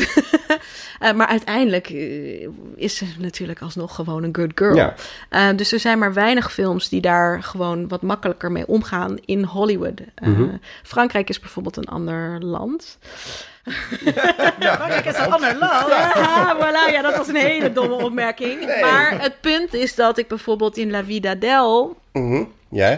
Ja. wat ook over tienermeisjes gaat, weer vind dat die seksualiteit, om, misschien ook omdat het gemaakt is door een man, maar ook vooral hoe, hoe dat in beeld is gebracht, toch op een bepaalde manier weer wordt uitgebuit. Dus eh, ergens kan je kan je, je En dat is dan afvragen. weer het andere Ze uiterste. zeggen toch? heel vaak dat violence is unfilmable. Hè? Echt Mhm. je, zelfs als je het ziet, is dat niet violence. Mhm. like, it's the, dat is de paradox van we kunnen violence Stel nooit dat maar aan Quentin Tarantino. Ja, verbeelden. Ja, maar goed, je snapt wat ik bedoel. Ja, ja, ja. Dus, dus filmtheorie, eh, like, filosofisch gezien is het ongrijpbaar. En eh, ja, je kan je afvragen of seksualiteit zo doordrenkt is van culturele taboes, eh, vrouwelijke seksualiteit met name, dat het eigenlijk onfilmbaar is. Ik, ik vind het heel moeilijk om na te denken over films die dat echt goed doen. dit is een mooi moment om even te mentionen dat er een leuke aflevering van Onder Mediadoktoren is Ja. over de verbeelding van het vrouwelijk orgasme. Oh, oké. Eh, want dat is ook zo'n een non-filmable. En ik grijp deze kans even aan om het te hebben over ehm, mijn favoriet film als het gaat over seksualiteit van meisjes die geen high school film is, maar wel over high school leeftijd gaat. Namelijk Spring Breakers. Ehm, Wat een van de weinige films is waarin meisjes daadwerkelijk agency eh, hebben. Eh, en ik ging die film, toen ik hem voor het eerst zag... Je weet dat ik een artikel over heb geschreven, hè? Tenminste, Ehm, niet dat jullie dat allemaal moeten lezen, want dat moet je vooral nee, niet dat doen. Maar omdat ik in, in onderhandeling ga met je zo meteen over die agency. Ja, dat... dat ehm, maar, en toen ik hem dus James het Franco ook. ja. Eh, met James Franco, die ingevlochten haar heeft en die totaal onherkenbaar is. En eh, een van de mooiste scènes in een film ooit, waarin hij aan het water zit en op de piano speelt. En die meisjes staan om hem heen met eh, machinegeweren in hun bikini met bivakmussen. En dan eh, zingen ze eh, eh, eh, Britney Spears. Time van. Britney Spears. ja. Ehm, eh, sowieso is dat mijn zomergastenfilm. Sowieso is dat fragment natuurlijk dan het fragment dat ik laat zien. Ehm, maar ehm, toen ik dat eh, keek, omdat dus juist zeg maar ehm, agency en dat is ook in, in, in daar, met dat oog kijk ik natuurlijk ook naar high school films. Naar wat voor agency krijgen meisjes hier nou eh, toegeschreven? En bij Spring Breakers denk je dat die film totaal ergens anders heen gaat. De hele tijd denk je, deze film gaat ergens heen. En oh, dit wordt verschrikkelijk. En dan gaat het ergens, dan, dan neemt het verhaal weer een ehm, andere wending. Ehm, dankzij die meisjes. Kom maar door, Maren. Ja, nou, hmm. Ehm, nog heel even teruggaan over. nee, Ik kom, ik kom hier zo. Ik kom hier zo. Even een heel klein stapje terug. Ehm, want ik wilde wel zeggen dat als ik nu nadenk over scènes waarin meisjes seks hebben in tienerfilms, dan zijn toch wel de films eh, die dat redelijk soort van eh, eh, in termen van disillusionment, dus teleurstelling zetten, zoals Fast Times. En dat deed Lady Bird, vond ik wel heel erg goed. Eh, die, die slagen daarin om daar toch wel een soort vrouwelijk perspectief in te zetten. Maar dat is dus wel een perspectief dat eigenlijk teleurgesteld is, omdat die romantiek van wat, het, wat al die films eindeloos beloven dat het gaat zijn, eh, niet waar kan maken. Ehm, Say Anything, er zijn sommige films die, die dat wel romantisch laten, maar Fast Times is echt een hele goede precursor en dat is gewoon, eh, Lady Bird deed dat gewoon na eigenlijk. Maar goed, ehm, that brings us back to Spring Breakers. Ehm, ik vind dat de meisjes in Spring Breakers, en dat zijn wel college meisjes, ook al vind ik het heel moeilijk omdat ze eigenlijk een soort van identiteitsloos zijn. Ze zijn eigenlijk leeftijdsloos, ze zijn eigenlijk meer een soort leeg omhulsel. Ehm, aan de ene kant hun kracht halen. En daar ben ik het met je eens uit die lege omhulsels. En dat is precies wat er benadrukt wordt met die lichtgevende bikinis en die baklava's. En dat... baklava's, balaclava's. sorry. en dat Britney Spears zingen. Maar het punt is, het zijn maar lege omhulsels. En daar, daar beklijft niks. Eh, het zijn avatars. Eh, zou ik zeggen. En dat zie je ook aan die eindelijk die, die laatste scène. Ja, dit- sorry, dan moet ik heel even spoilen. Ja. Maar die gewoon eigenlijk gefilmd is als een computergame. Waarin we geen bloed zien. En waarna ze gewoon verdwijnen. Of de, de soort van de weg oprijden. En een stem echoot. En kortom, de, ze zijn elusive, hè, ongrijpbaar. En, en, eh, Liminaal de hele tijd. liminaal. Maar uiteindelijk is het zo, is het, is het bijna de rook. Maar dat is... Snap je wat ik bedoel? Like, eh, het, is, het is ook niks wat je vast kan pakken. Ja. Dat is een kracht, maar het is ook een soort van cop-out. Ik zou niet zeggen dat het niet beklijft, maar wel dat ze, bes- ze bestaan in een ruimte die niet bestaat. En dat is natuurlijk ook wat het hele spring break, wat spring break ook is. Ja. Eh, Een, een break met je reguliere leven waarin alles op zijn kop staat. Ehm, maar het is een fantastische film. Ja. En nogmaals, ik heb er echt twee jaar lang heel hard over nagedacht. En ik ben Ja. er nog steeds niet uit Ik, over hoe het zit. Maar ik ga het dat stuk lezen. En het doet, maar het doet dus eh, dat die, die, die liminaliteit of die ongrijpbaarheid of die vluchtigheid ehm, is denk ik ook voor mij wel wat femininity is. En wat het hele girlhood is of kan zijn. Maar goed, we, wijken nu, we gaan nu te erg op deze Nou ja, zitten. het, het, het, het punt wat Even- wel heel interessant is, sorry, Ja, ik zit niet, want de, bijvoorbeeld de, de stem van ehm, in dit geval Selena Gomez, die soort van op de soundtrack eindeloze brieven schrijft en dingen, die valt wel terug te koppelen aan het meisje wat in haar dagboek schrijft. En daarom is Claire Danes voor mij in My So-Called Life een van de allerbelangrijkste tienermeisjes ooit. Want het idee van schrijven en een stem stem krijgen die iets verankert, zien we dus in wat mij betreft de mooiste representaties van tieners. En niet alleen meisjes, ook jongens. Die, die schrijven en die hebben een stem. En die stem die horen wij, die is groter dan het scherm. Ik wou het gaan hebben over... Ik wou een bruggetje maken naar Eén- eh, de Virgin voor- voor- Suicide. Ja. Voordat je dat doet, even een, een korte vraag aan eh, Marin. Want je hebt eh, Spring Breakers in jouw artikel vergeleken met Drive en de Bling Ring. En Ik heb twee artikelen. waarom? Nou, ik heb twee Oh, artikelen geschreven. Nee, ja, wat fantastisch. Heb je, heb je me opgezocht? Jazeker, tuurlijk, dat doen wij. Ik heb één artikel geschreven vanuit een feministisch oogpunt. En dat vergelijkt Spring Breakers met de Bling Ring. En daar, ga ik daar gaat het heel erg over dit soort eh, identiteitskwesties. En in het andere artikel, waar ik ook Drive erbij ga, dan, eh, behaal, dan gaat het eigenlijk meer over het postmodernisme in de cinema. Dus dat gaat echt over style en es- esthetiek van die Ja, films. ja. Dus dat het soort van de neonkleuren en het Mhm, en mhm. hoe dat allemaal werkt. Dus dat artikel met Drive erbij gaat over heel iets anders. Ja. Maar die ook met Nou, de Bling Ring vergelijking is heel spannend. En daar zijn we alweer terug bij Sofia Coppola. En uh, een. Bonuspuntje voor Wilkinson. Bonuspuntje voor Wilkinson bij de Virgin Suicide. Ehm, bij de Virgin Suicide, eh, daar zijn die meisjes op eenzelfde manier eh, ongrijpbaar en vluchtig. En, eh, maar, en daar wordt het verhaal verteld door die jongens. Ook al is het een vrouwelijke regisseur, zijn het die jongens die geen grip krijgen eh, op die meisjes. Zoals ik me heel goed kan voorstellen dat jongens geen grip, dat tienerjongens geen grip kunnen krijgen op meisjes, omdat dat op dat moment zo voelt als je heteroseksueel bent.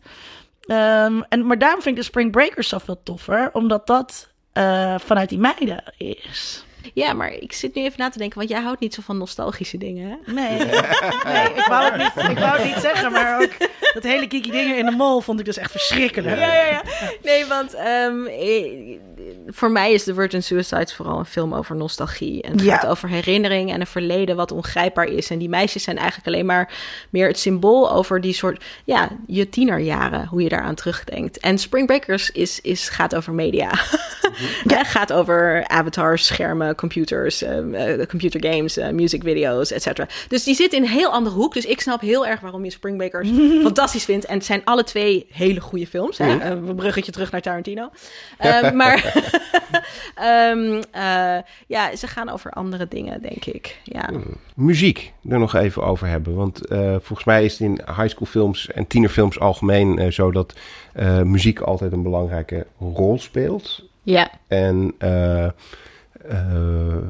ja, er worden ook heel vaak, of, althans, ik denk dat het nu wat minder is. Vroeger was het sowieso vaker dat films een hit moesten gaan eh, eh, maken van een bepaald eh, nummer. Ehm, is dat ook weer gewoon omdat het nou zo eh, is dat tieners altijd met muziek bezig zijn? eh, of, of heeft die muziek ook nog meer betekenis in, de, in die films? Nou, daar zit natuurlijk in ten eerste weer dat marketingverhaal, Hm. helaas. Want eh, de Grease soundtrack, hè, dat leidde direct tot... oh, we kunnen in de mall niet alleen eh, films verkopen op 14 verschillende schermen... maar ook 14 verschillende soundtracks. Ja. Want toen kocht men gewoon nog platen, laserdiscs, Ja, ja, ja, cd's, cassettebandjes. Ehm, en het is wel heel interessant eh, hoe dat... En natuurlijk is MTV ook het voorbeeld, hè, begon in eh, 1980... die die twee dingen bij elkaar brengt. Dus eh, beeldvorming, identiteit en eh, muziek. Eh, daar krijg je ook het subculture verhaal van wat Linda eerder zit te vertellen. Dus ik vind het heel interessant hoe dat nu terugkomt en hoe, ze wel, hoe zo'n serie zoals Stranger Things dat ook weer oppakt. Eh 13 Reasons Why pakt dat ook op. Ehm, ja, heel veel series spelen met... ook. Ja, Riverdale op een andere manier ook weer. Ehm, dus er zijn heel veel series die nog steeds proberen die eh, ja, eh, onzichtbare popmuziek tot grote hits te maken. Ehm, dus ja, marketing. Maar goed, en we houden allemaal van muziek, toch? Ik vond dat nu tijdens het terugkijken van al die films uit de jaren 80 en 90, eh, en ook jaren 0 dan, eh, het is gewoon, gewoon grappig hoe je dan dat tijdbeeld en de popmuziek van die tijd weer in zo'n film in één blast allemaal over je heen krijgt. Eh, dus bij Ten Things I Hate About You, dat je echt zit van, oh ja, dat was de toen. muziek was toen niet zo goed. Oh, ja, fantastisch. inderdaad- maar, dat, dat, vind ik heel leuk, om, omdat Ja. je dan helemaal even weer ondergedompeld wordt in ook zo'n soundscape van die tijd. Het fantastisch dubbele van Don't You Forget About Me van Simple Minds is natuurlijk Don't You Forget About Me als Simple Minds, right? So it's all there. ja. Maar het is, ehm, eh, eh, kijk, popmuziek speelt natuurlijk een hele belangrijke rol, speelde een heel erg belangrijke rol in tienercultuur. Ehm Al als, sinds de jaren 50, hè? al sinds de jaren Elvis, 50, ja. vanuit dat marketingverhaal wat Marin eh, eh, eh, ook zegt. Ehm, maar ook als een manier van verzet tegen een parent culture. Wat dan niet per se de cultuur van je ouders is, maar een cultuur die daarboven hangt, die boven die jeugdcultuur staat. Ehm, en uh, dat, dat, dat, dat verzet zie je bijvoorbeeld in Dazed and Confused heel erg Ja, terug. ja. Wat echt heel erg over de muziek gaat. En de muziek is heel erg leidend uh, in die film. En dat is nu, is dat gewoon niet Minder, meer. Dus popmuziek is geen middel meer om je mee af te zetten tegen je ouders.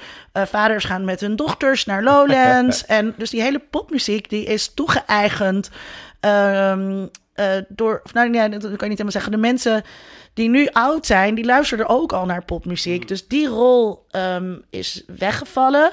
En wat ik dus dan interessant vind, en dat je ziet in die tienerseries van nu, dat die dus heel erg terugvallen op oude muziek. Dus dat zat in Euphoria zat dat ook wel voor een deel. Mhm. Dat je dan oude liedjes hoort uit de jaren tachtig, om dat gevoel nog een beetje terug te krijgen. Omdat het met eigentijdse muziek uh, bijna niet meer uh, ik, ik te vond doen is. dat dus in Booksmart, om daar weer op terug te komen, heel goed gedaan. Dat daar dus juist weer heel veel eigentijdse muziek, heel veel hip-hop uh, in En gebruikt dat wordt. En ik dat net zie je zeggen. eigenlijk Ja.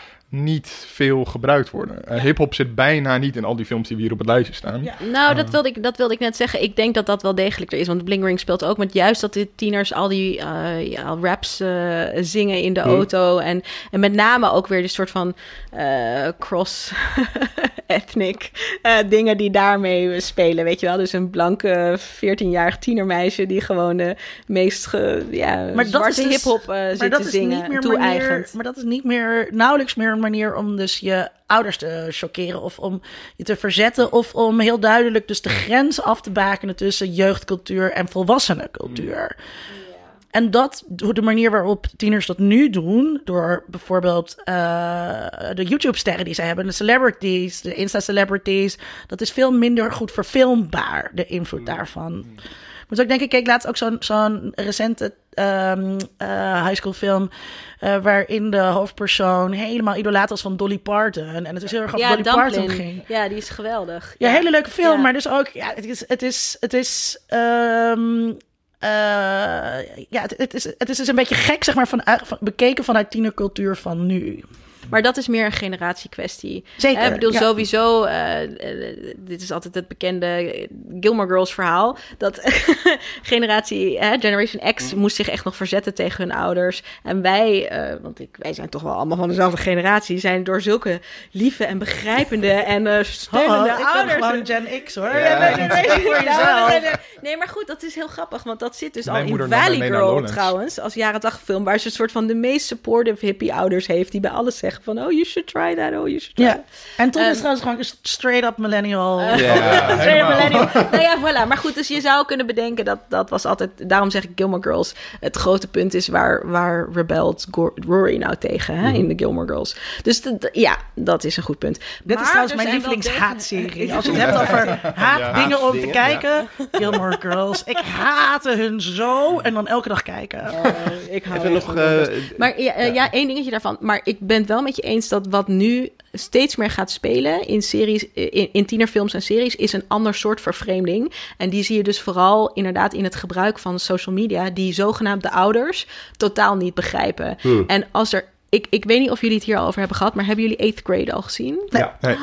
Die is Heel echt ja. fantastisch. Oh, dat is en dat is dus toch? precies een Ja, film ja, ja. die gaat over een tienermeisje en een high school experience. Zoals je die nu moet begrijpen in een social media era. En daar zit dat fantastisch in. Uh, dus ga dat zien. En, en dan zie je inderdaad dat muziek niet per se.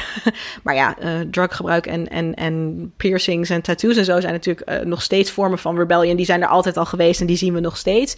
En muziek denk ik toch ook wel een beetje. Ja. Maar die social media als een soort van een alienating iets, dat, uh, dat zit dan, heel goed in en die dan film. kom je dus toch weer bij waar ik het aan het begin ook over had. Um, toen ik het had over Euphoria. Hè, dat dat uh, mensen die nu films maken zijn gewoon ouder. Dus het is heel moeilijk ook om die cultuur van die kids. Hello, fellow kids. uh, om, dat, om dat goed te gebruiken. Ik vond Euphoria dus echt de hele tijd vond ik dat dus hello, fellow kids. Ik vond dat in, in ECA heel grappig dat ze dan een soort van die trope van het brieven schrijven omgooien naar vloggen of zo. En dat was ook heel erg van, ja, wat doen de kids nu? Ja, ja die film trouwens, dat in waar dat uitkomt. Ja, van Steve Buscemi met- en... met Steve ehm, Buscemi inderdaad. Met kom- uh, Scarlett Johansson. Ja, ja, ja. Ghost World. Ja, ja, Ja, ja. precies. ja, Ja, ja. Ehm, nog even die eh, tienerfilms, of het nou eh, jaren 50, 60, 70, 80, 90 nu is, eh, spelen zich bijna altijd in een soort middenklasse milieu, wit, eh, suburbia eh, af. Ehm, als je gaat, er zijn natuurlijk wel een paar uitzonderingen die zich dan afspelen in een wat lager, sowieso een rare term natuurlijk, hè, lagere klasse milieu. Maar goed, Waarom is dat een rare term? ja, omdat ik de term lager vind ik niet zo. zo het is een andere Arbeidersklasse milieu. Andere klasse. Maar goed, maar even. Dat, eh, Oh, dat is wel, ik heb hier een keer een column afgeschreven Ja, over dat probleem dat mensen hebben met Ja, inderdaad ik, lager opgeleid zeggen en zo. maar ja, goed. Gaan we straks even over napraten. Gaan we nog even over napraten. Maar goed. ehm, hè, en er zijn, Professioneel opgeleid, moet je dan nou, zeggen. precies. Ehm, is dat ook weer gewoon puur commercieel? Omdat daar eh, de mensen zitten die het meeste geld uitgeven aan het bekijken van dit soort films? Of Nou ja, dit is wel grappig dat we hier nu soort van... We zijn langzaam aan het afsluiten, neem ik aan. Mhm, Dat we mhm. hiermee eindigen, want dat is echt het allereerste in mijn proefschrift waar ik mee begin. Oh, kijk. Eh, nee, maar goed, het is, het is een hele valide opmerking. Is dat eigenlijk die high school films in de jaren tachtig... en dat brengt ons wel weer terug mee waar ik begon... ehm, hele andere locaties hebben dan die in de jaren 50. Dus die in de jaren 50 zijn drive-in, eh, the beach... eh, Mhm. weet je wel, eh, de gas station, whatever. Het is Ja, eh, al, buiten ja. plekken in de open lucht. Eh, en wat doet de jaren 80 tienerfilm? Is die zet al die tieners in de mall, de high school of de home. En dat zijn echt de drie eh, meest suburban locaties. Dat heeft er eh, deels mee te maken dat. Ja, nogmaals, de tieners die in de malls naar die film gaan, graag naar zichzelf willen kijken. En dat zijn toch tieners met geld. En dus zijn dat middle-class white suburban teenagers. De mall is ook altijd in de suburbs. Ehm, het zijn niet inner city kids. Ehm, maar ja, dat is precies mijn eerste argument. Dit zijn dus hele eh, neoconservatieve plekken waar al die tieners altijd eigenlijk eh, worden bekeken eh, door volwassenen en onder een bepaald soort surveillance en onder een bepaald soort controle staan, waardoor die identiteiten nooit los kunnen breken, maar juist eh, in hun veilige hokjes blijven. Vooral Eh, voor, voor, voor meisjes en voor mij. Vooral ehm, meisjes, want het zijn altijd mannen. Mannen zijn de teachers en de janitors en de hall, eh you know, um, hall monitors en dat soort dingen. En ja. ik, ik- voor, mij, eh, eh, voor de en luister- vaders. Voor de luisteraar moeders zijn dood, hè? Ja, voor de luisteraar die dat niet weet, eh, ik ben gepromoveerd op meisjescultuur. En een belangrijk concept in meisjesstudies is het idee van slaapkamercultuur. Dat die subcultuur van meisjes zich vooral voltrekt in de slaapkamer. Dus het komt heel leuk om inderdaad in jouw proefschrift dus weer te lezen. ehm, eh, en ook de screenshots te zien van al die bedrooms waarin die meisjes dus allemaal zitten. Ja, en dat is heel shocking, want al die jongens in die tienerfilms, in die jaren tachtig tienerfilms hebben we het nu over, hebben allemaal computers op hun kamer. Ja. En de meisjes hebben alleen maar Allemaal spiegels roze. en posters van ballerina's. En jongens hebben echt super strakke auto's, schrijf je ook. En meisjes rijden dan, als ze al een auto hebben, dan in Ja, een ze hele rijden geen brakke... auto. En ze betalen ook nooit voor iets zelf.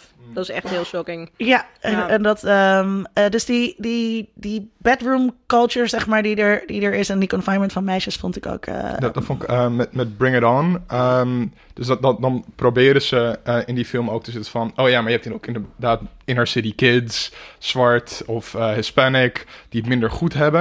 Maar dat wordt dan altijd nog gefocaliseerd vanuit die soort van witte middenklasse bril. En we zien ook nooit hun thuissituatie. Het is Nee. altijd zo van, ze zijn arm, ze zijn inner city... maar die Ja. inner city wordt nooit verbeeld in de film Maar zelf. dat is wel echt iets heel interessants. Want ehm, daarom, om nog even terug te gaan naar de, de makeover en die, die maakbaarheid van je eigen identiteit, dat dat dus juist iets bevrijdends is. Dat is dus juist iets wat gebeurt als vader weg is in She's Out of Control of onder, hè, op eigen initiatief. En als we dat terugbrengen naar Bring It On, en sorry, maar nu moet ik heel even spoilen, dan is het heel belangrijk dat de inner city kids uiteindelijk winnen, Winnen, ja. omdat ze hun eigen eh, identiteit maken door een soort van Oprah-achtig programma op te Ja. zoeken, weet Ja. je nog? Ja, ja, ja. So they make their own met success. Rihanna. Ja, en daar, dat is echt heel belangrijk. Dus grappig genoeg zit meisjeskracht, eh, agency, waar jij het ook over had, zit hem vooral in dit soort maakbaarheid. En Hmm. dat is waarom Bring It On misschien ook zo fantastisch is. Omdat het eh, Maar- de doenkunst van meisjes eh, niet eh, ten vraag stelt, maar het gewoon accepteert. Dat zij iets kunnen bereiken, iets gedaan kunnen krijgen. Maar hier zit ook wel, zeg maar, eh, het eh, idee, dus in dus een soort goedkope consumptiekritiek, namelijk dat, ehm, dat dus die inner city girls van zichzelf meer authentiek zijn. En Hmm. altijd Ja. meer authentiek zijn. En dat is heel dwepen met authenticiteit. Wat je dus vervolgens aan je terugverkocht krijgt. Omdat je dan dus hip-hop gaat luisteren, wat dan authentieker Ja, is. maar over authenticiteit, daar moeten we echt een keer een aflevering over doen. Want daar kan ik heel Ja. veel over vertellen. Dat is, over, meer, eh, dat is meer iets voor onder media, dokter. Ah. Kan je Als daar ook een keertje dat heen? Nee, maar ik heb het over, over Bruce Springsteen en Taylor Swift en over Ja. eh, Ja. Stranger Things dat- en authenticiteit, joh. Dat Ik wou- ik wou- eh, ik wou hele geeky dingen. Ik wil nog één, één, ding, één ding even- aan eh, voordat we gaan afsluiten. Ja. Wou ook nog, voordat jij dat doet, wou ik nog even, want je noemt het nu, eh, Bruce Springsteen, want daar heb je ook nog een, eh, een, proef, of een, een artikel over geschreven. Nog een proefschrift. Nee, niet een proefschrift, maar een artikel over geschreven. Ehm, heb je al gehoord van de nieuwe Bruce Springsteen film Blinded by the Light, die nu in de Ja, bioscoop ja, draait? ik ga 9 september daar naartoe. Ja, want ik was... eh, ik- ja, nou, dan willen, willen we daarna heel graag van je horen wat je ervan vond. Want ik ben wel benieuwd omdat je daar juist ook een artikel over geschreven hebt. Eh, Ja, Hoe nou je ja, dit gaat ervaren. Ja, ik ben, ook, ik ben ook heel erg benieuwd. Maar ik vind het heel interessant hoe die, al die muziekfilms er nu... eh, en we hebben er al één over Elton John gehad. We hebben er al. Ja. één over de Beatles gehad. Dit draait van een film van Queen. Freddie Mercury Ja. over Queen. Precies, het is een soort nieuw jukebox fenomeen. Jukebox Ehm, musicals. maar dit is dan door Gorinda Chadha, die natuurlijk eh, tienerfilms heeft gemaakt. Dus er is een interessante connectie, who knows. Ik zag de Ehm, trailer, I was intrigued. Ja. maar dit, same. dat artikel over Bruce Springsteen gaat Ja. echt over authenticiteit van rockmuziek en over hoe dat altijd door Amerika wordt toegeëigend. Ehm, en ik heb toevallig ook net iets over Taylor Swift, wat ook weer over authenticiteit Ah, gaat. Dus nice. dat, is, dat, dat, eh, dat, dat zit weer in een andere hoek. Ik ga je uitnodigen voor onder media acteur voor het komend seizoen. Voor authenticiteit. ik wou nog heel even, eh, misschien het heel kort als dat nog, als dat nog mag, het hebben over hoe. ehm, ehm, want er wordt dus, oké, die high school films worden dus altijd een beetje gezien als een laag genre. Ehm, eh, weet je, of easy vermaak voor de kids. Kijk, hier hou ik dus niet van het woord laag. Hè? Dat je. Precies. Ja, ja. Laag Ja, genre, maar nee, maar ik, je het over, ik ga nu ook mijn moeder weer oproepen over hoe Sydney begon over dat gewoon een film over cheerleading. Nee, maar Nee. dat, dat heb ik helemaal niet gezegd. Ehm, terwijl juist, ehm, eh, hè, dus we, hebben, eh, we hebben het niet genoemd, maar die, die, dus die Brad Pack die er in de jaren tachtig was, eh, die heel erg die high school films als eh, launchpad heeft gebruikt of heeft, heeft ge- gehad voor Mhm. hun carrières. En bij een heleboel andere films is dat dus ook het geval eh, geweest. Dus bij Days and Confused, eh, bij Superbad, bij Clueless. Eh, dat waren allemaal films waarin mensen hun debuut maakten die later echt supersterren Freaks zijn geworden. Ja, Ja. Freaks and Geeks en My So Called Life is echt, zijn allemaal eh Oh supersterren geworden. series. Ja, maar goed, ze zijn ook geschreven door filmmakers en die hebben allemaal filmsterren Ja. geproduceerd. Moeten we, willen jullie daar nog iets over zeggen of, eh, of eh, houden we het gewoon bij deze mention? Nou, Go- goed voor, voor hen. ja, good, good for them. Maar ook, ik denk ook dat het... ja, maar laat dus ook zien dat het niet een makkelijk Juist. genre Nou, daar, is. daar wil ik nog wel iets over zeggen als eh, concluding note. Maar Ja. Sydney, na Nou jou. ja, ik, ik, ik denk dat het misschien wel mm, tussen aanhalingstekens makkelijk eh, eh, is. Net zoals je ziet dat bijvoorbeeld startende filmmakers best vaak kiezen voor een genrefilm als horror of wat dan ook. Omdat het een makkelijkere, minder gecontroleerde manier is om, om je eerste film te maken. Denk ik dat dat ook voor jonge acteurs vaak, vaak geldt. Dat je eh, je, je zit natuurlijk als je jong bent ook dichter bij die identiteit van die persoon op die, op die school die je, die gaat spelen. Dus ik kan me wel voorstellen waarom je daar eh, begint. Maar jij denkt er anders over. Nou, nee, nee ja, ik ben het met je eens. Ik zou zeggen dat ehm, eh, vanuit het soort van structuralisme heet dat, dus dat alles een terugkerende structuur heeft, kan je beargumenteren dat alle films uiteindelijk Roodkapje of Oedipus eh, zijn. Met andere woorden, de riet de passage, want dat is waar Roodkapje en Oedipus over gaan, is soort van het verhaal om te vertellen. Ehm, having said that, ehm, is het een van de aller, allermoeilijkste dingen om goed te kunnen doen. Ik ben echt heilig ervan overtuigd dat het veel makkelijker is om een vreselijk tragische Europese arthouse film te schrijven. sorry hoor, sorry hoor. Ik- er zijn ook fantastische Europese arthouse films. Maar dan om een goede tienercomedy te schrijven. Totally Die- second that. die iets vernieuwends doet, die iets spannends doet. En ik bedoel, daarom zijn de Duffer Brothers ook zo briljant. Uh, maar daarom uh, komt Greta Gerwig ook met Lady Bird. Hè? En daarom ook Eighth Grade. En daarom ook al die series nu. Uh, het is echt heel moeilijk om het goed te kunnen. En ik hoop niet dat jullie mijn cynisme, wat ik hier heb genoemd over de marketingstrategie, uh, als grootste idee met je meenemen. Want dat is absoluut niet uh, waarom ik zo van deze films hou. Het is super interessant als cultuurproduct, maar het is ook artistiek gezien een van de meest bijzondere, meest fantastische vormen van verhalen vertellen. Dus ga vooral allemaal naar dit soort films. Blijf naar deze series kijken. Ga je laten ontroeren en blijf je verwonderen door de wereld van de tienerfilm. Amerikaans en buiten Amerika. Want we hebben het eigenlijk alleen maar over Amerikaanse dingen gehad. Maar er zijn zoveel fantastische tienerseries in Engeland. Ook in Nederland, in Duitsland. Maar ook. Zuid, Zuidoost-Azië. Laten we het een keer hebben over Japanse tienerseries. eh, Australische tienerseries. Latijns-Amerika. Heartbreak eh, High. Oh my goodness, Heartbreak High. Maar goed, kortom, dit is een wereldbreed fenomeen. En daar worden de mooiste dingen in gemaakt. En laten we daar vooral van blijven genieten, zou ik zeggen. In a world. In a world. World. World. World. In a world. Nou, zoals altijd gaan we aan het einde van onze aflevering weer een beetje vooruitkijken naar wat er de komende tijd allemaal gaat gebeuren. En eh, nou, er is zo ongelooflijk veel nieuws gekomen in de periode dat wij er niet zijn geweest. Want we hebben en eh, San Diego Comic Con en D23 eh, eh, gehad. Dus eh, ik, ik, heb, ik heb een heleboel waar ik naar uitkijk. Ik weet niet, eh, op enig moment gaan jullie vast zeggen, hou nou maar op. Maar ehm, Hou het kort. hou het kort, precies. Ja, dat is onmogelijk. Ik heb ook al vier dingen. Oh, kijk, nou. Eh, Star Wars, The Mandalorian, Obi-Wan Kenobi, Cassian Andor, Episode 9 komt er natuurlijk Ray met aan. een rode lightsaber. Ja, ik bedoel, wat moeten we er nog meer over zeggen? Dat, dat, dat is ongelooflijk wat er allemaal naar Disney Plus eh, eh, gaat komen. Natuurlijk allemaal geldklopperij en natuurlijk allemaal commercie, maar ik ben wel heel excited. Eh, en laat ik het dan verder nog hebben over Star Trek Picard. De nieuwe serie die eraan zit te komen.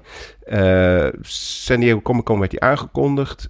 Enerzijds heel excited omdat ik wat ik ervan gezien heb, dat ziet er gewoon cool uit. Heel veel ou- oude bekenden die terugkomen. Andere kant is een beetje, misschien dat dat eh, de invloed van Linda eh, is eh, op mij, dat ik wel zoiets heb van, het is niet heel erg origineel of nieuw en het zou zomaar een beetje saai kunnen zijn. Maar goed, dat, dat zijn een paar dingen waar ik naar uitkijk. MCU, ja, dat is ook bijna niet op te noemen hoeveel MCU-series er nu straks op Disney Plus gaan komen. She-Hulk, Black Widow, Loki, What If, Moon Knight, WandaVision, Falcon and the Winter Soldier.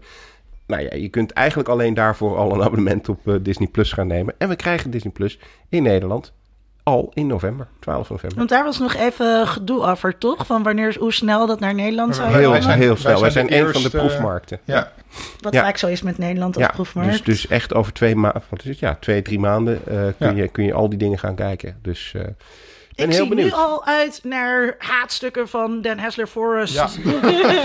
over, Over over, al dit. Ja. onze corporate overlord stampen op ons Ja, ja, ja, ja, ja. Mijn, oh ja, nou ja, Boxmart is al eh, gevallen. Maar mijn Mhm. vier dingen waar ik echt heel erg naar uitkijk. Grappig genoeg, Harmony Korine's Beach Bum heb ik nog Mhm. niet gezien. Eh, de nieuwe Veronica Mars. Is er een nieuwe Ja. Veronica Er Mars? is Ja, een er nieuwe een nieuwe Veronica Veronica Mars. Mars. Eh, Greta Gerwig's versie van Little Women wil ik Mhm. Heel ja, graag zien. En Richard Linklater, dat brengt ons ook weer terug bij Days and Confused. Where'd You Go, Bernadette. Dus dat waren de vier die ik had En opgeschreven. waar gaat, waar gaat die Linklater film over? Eh, welke, sorry? Eh, die Linklater film? Ehm, oh ja, ehm, eh, een, eh, een, een kunstenaar eh, die van het een op het andere moment eh, verdwijnt. Oeh. Eh, who knows? Een heel Klinkt heel Ja, aantrekkelijk. ja, ja, ja. Spannend. Ja, kijk jij nog ergens naar uit? Nou ja, behalve dan naar het uh, zure commentaar van Dan Dan Forrest op alle, op alle dingen die Dan of eh, die, die Sydney leuk vindt. Eh, nee, nee, nee, dat is flauw. Eh, in mijn vooruitblik was dus alleen maar dat ik, dat ik zin had om Dairy Girls eh, af te kijken. kijken, waar, ja. waar, nou, ik was er al begonnen. ehm, en eh, dus ik wil nog wel een keertje benadrukken hoe onwijs leuk deze serie is. En ik vind het echt jammer, wat jij ook net zei, eigenlijk een beetje... Dus ik kijk eigenlijk te veel Amerikaanse eh, popcultuur. eh, en te weinig uit andere landen. En Dairy Girls, voor de mensen die het niet weten, gaat over een groep meisjes die opgroeit in ehm Derry. In Noord-Ierland eh, eh, eh, in de jaren negentig, op het moment dat dat conflict eigenlijk een beetje tot een einde komt. Dus overal op de hoek van de straat staan soldaten. En ik weet dat natuurlijk nog heel goed, dat ik dat ook heel schokkend vond dat dat zo dichtbij gebeurde. Dat die burgeroorlog er was en dat zoveel doden vielen. Maar en dan dacht ik altijd, wauw, hoe zou het zijn om daar te leven? Wat ik ook in de jaren tachtig dacht met Berlijn en de muur. En eh, die serie gaat dus gewoon over opgroeiende tienermeisjes. Dus die willen naar een concert van Take That. en eh, weet je wel, en die, en die willen jongens tongen. En allemaal heel herkenbare dingen met allemaal heel veel jaren negentig muziek. Eh, wat, wat natuurlijk gewoon... Ja, die meisjes zijn gewoon mijn leeftijd. Toen ik opgroeide, is het gewoon mijn nostalgie als vrouw van middelbare leeftijd. Daarna. Maar het is een hele leuke, leuke serie met heel veel Ierse leuke dingen. Op Netflix? Hij is op Netflix. Eh, ik kijk heel erg uit naar mijn vakantie. Ik ga drie weken naar Canada, dus Heerlijk. daar heb ik heel veel zin in. Ik vlieg over twee Er dagen. zijn ook hele leuke Canadese tienerfilms trouwens. Oh, kan ik misschien in het vliegtuig kijken. Ehm, maar als ik terugkom, kijk ik heel erg uit naar het podcastfestival. Ja. Dat is 28 september in de Tolhuistuin hier in Amsterdam. Dat wordt super leuk. Linda gaat er in een panel zitten. Zullen we anders even een trailer laten luisteren? Ja, laten we dat even doen. Hey podcastfan, wat doe jij op 28 september? Kom naar het Podcastfestival. Een dag vol workshops, liveshows, panelgesprekken en nog zoveel meer. Wereldberoemd podcastproducer Tim Howard van Reply All geeft een keynote en je kan meedoen met een pitchwedstrijd. Stuur jouw podcastidee voor 20 september in en wie weet maak jij binnenkort je droom waar. Kom op 28 september naar de Tolhuistuin in Amsterdam. Meer weten? Kijk op podcastfestival.nl. Zo, wat een leuke trailer. Super maar daar kijk ik dus heel erg naar uit. Ik kijk daar ook naar uit. Hebben we daar Ik allemaal ook, zin in? Ja, zeker. Hey, Ehm, en, en er zijn dit jaar zelfs internationale gasten. De producer van Reply All van Gimlet komt langs. Eh, ik ben nu even zijn naam vergeten, maar dat zat vast in de trailer net. Ehm, ehm, ja, maar dat is heel leuk. Kom vooral. Kom eh, dan ook achteraf een biertje met ons doen daar, want wij Ja. zijn er volgens mij. Wij zijn We er zijn er allemaal. allemaal. Ja. Ja. Ehm, ja, dus daar kijk ik heel erg naar uit. Nice. Nou, dit was het dan alweer voor deze aflevering van Geeky Dingen. Als jij nou denkt, eh, ja, eh, maar wat die Marin allemaal verteld heeft, dat, eh, daar ben ik het helemaal niet mee eens. Of als Of- je of denkt, Was er een vrouw met een mening in de podcast? Snel. Zwengel je sociale media ja, ja, ja, dan kun Stuur je, al je mail naar Dan Hester ja, dan kun je dus of naar Dan eh, eh, tweeten of, eh, of, of mailen, of naar ons. Uh, geekydingen.gmail.com En we hebben ook een, eh, een Twitter-account, geekydingen.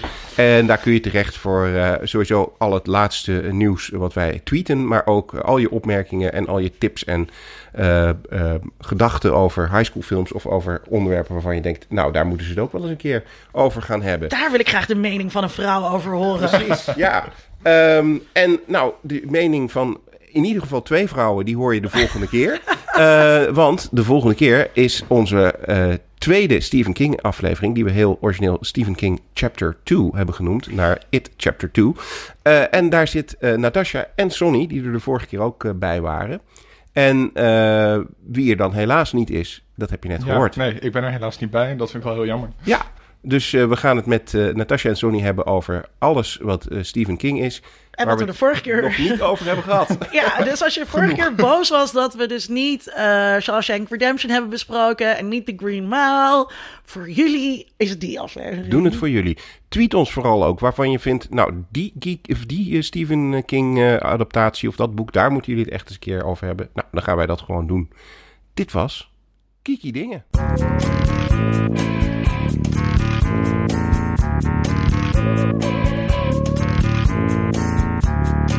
Thank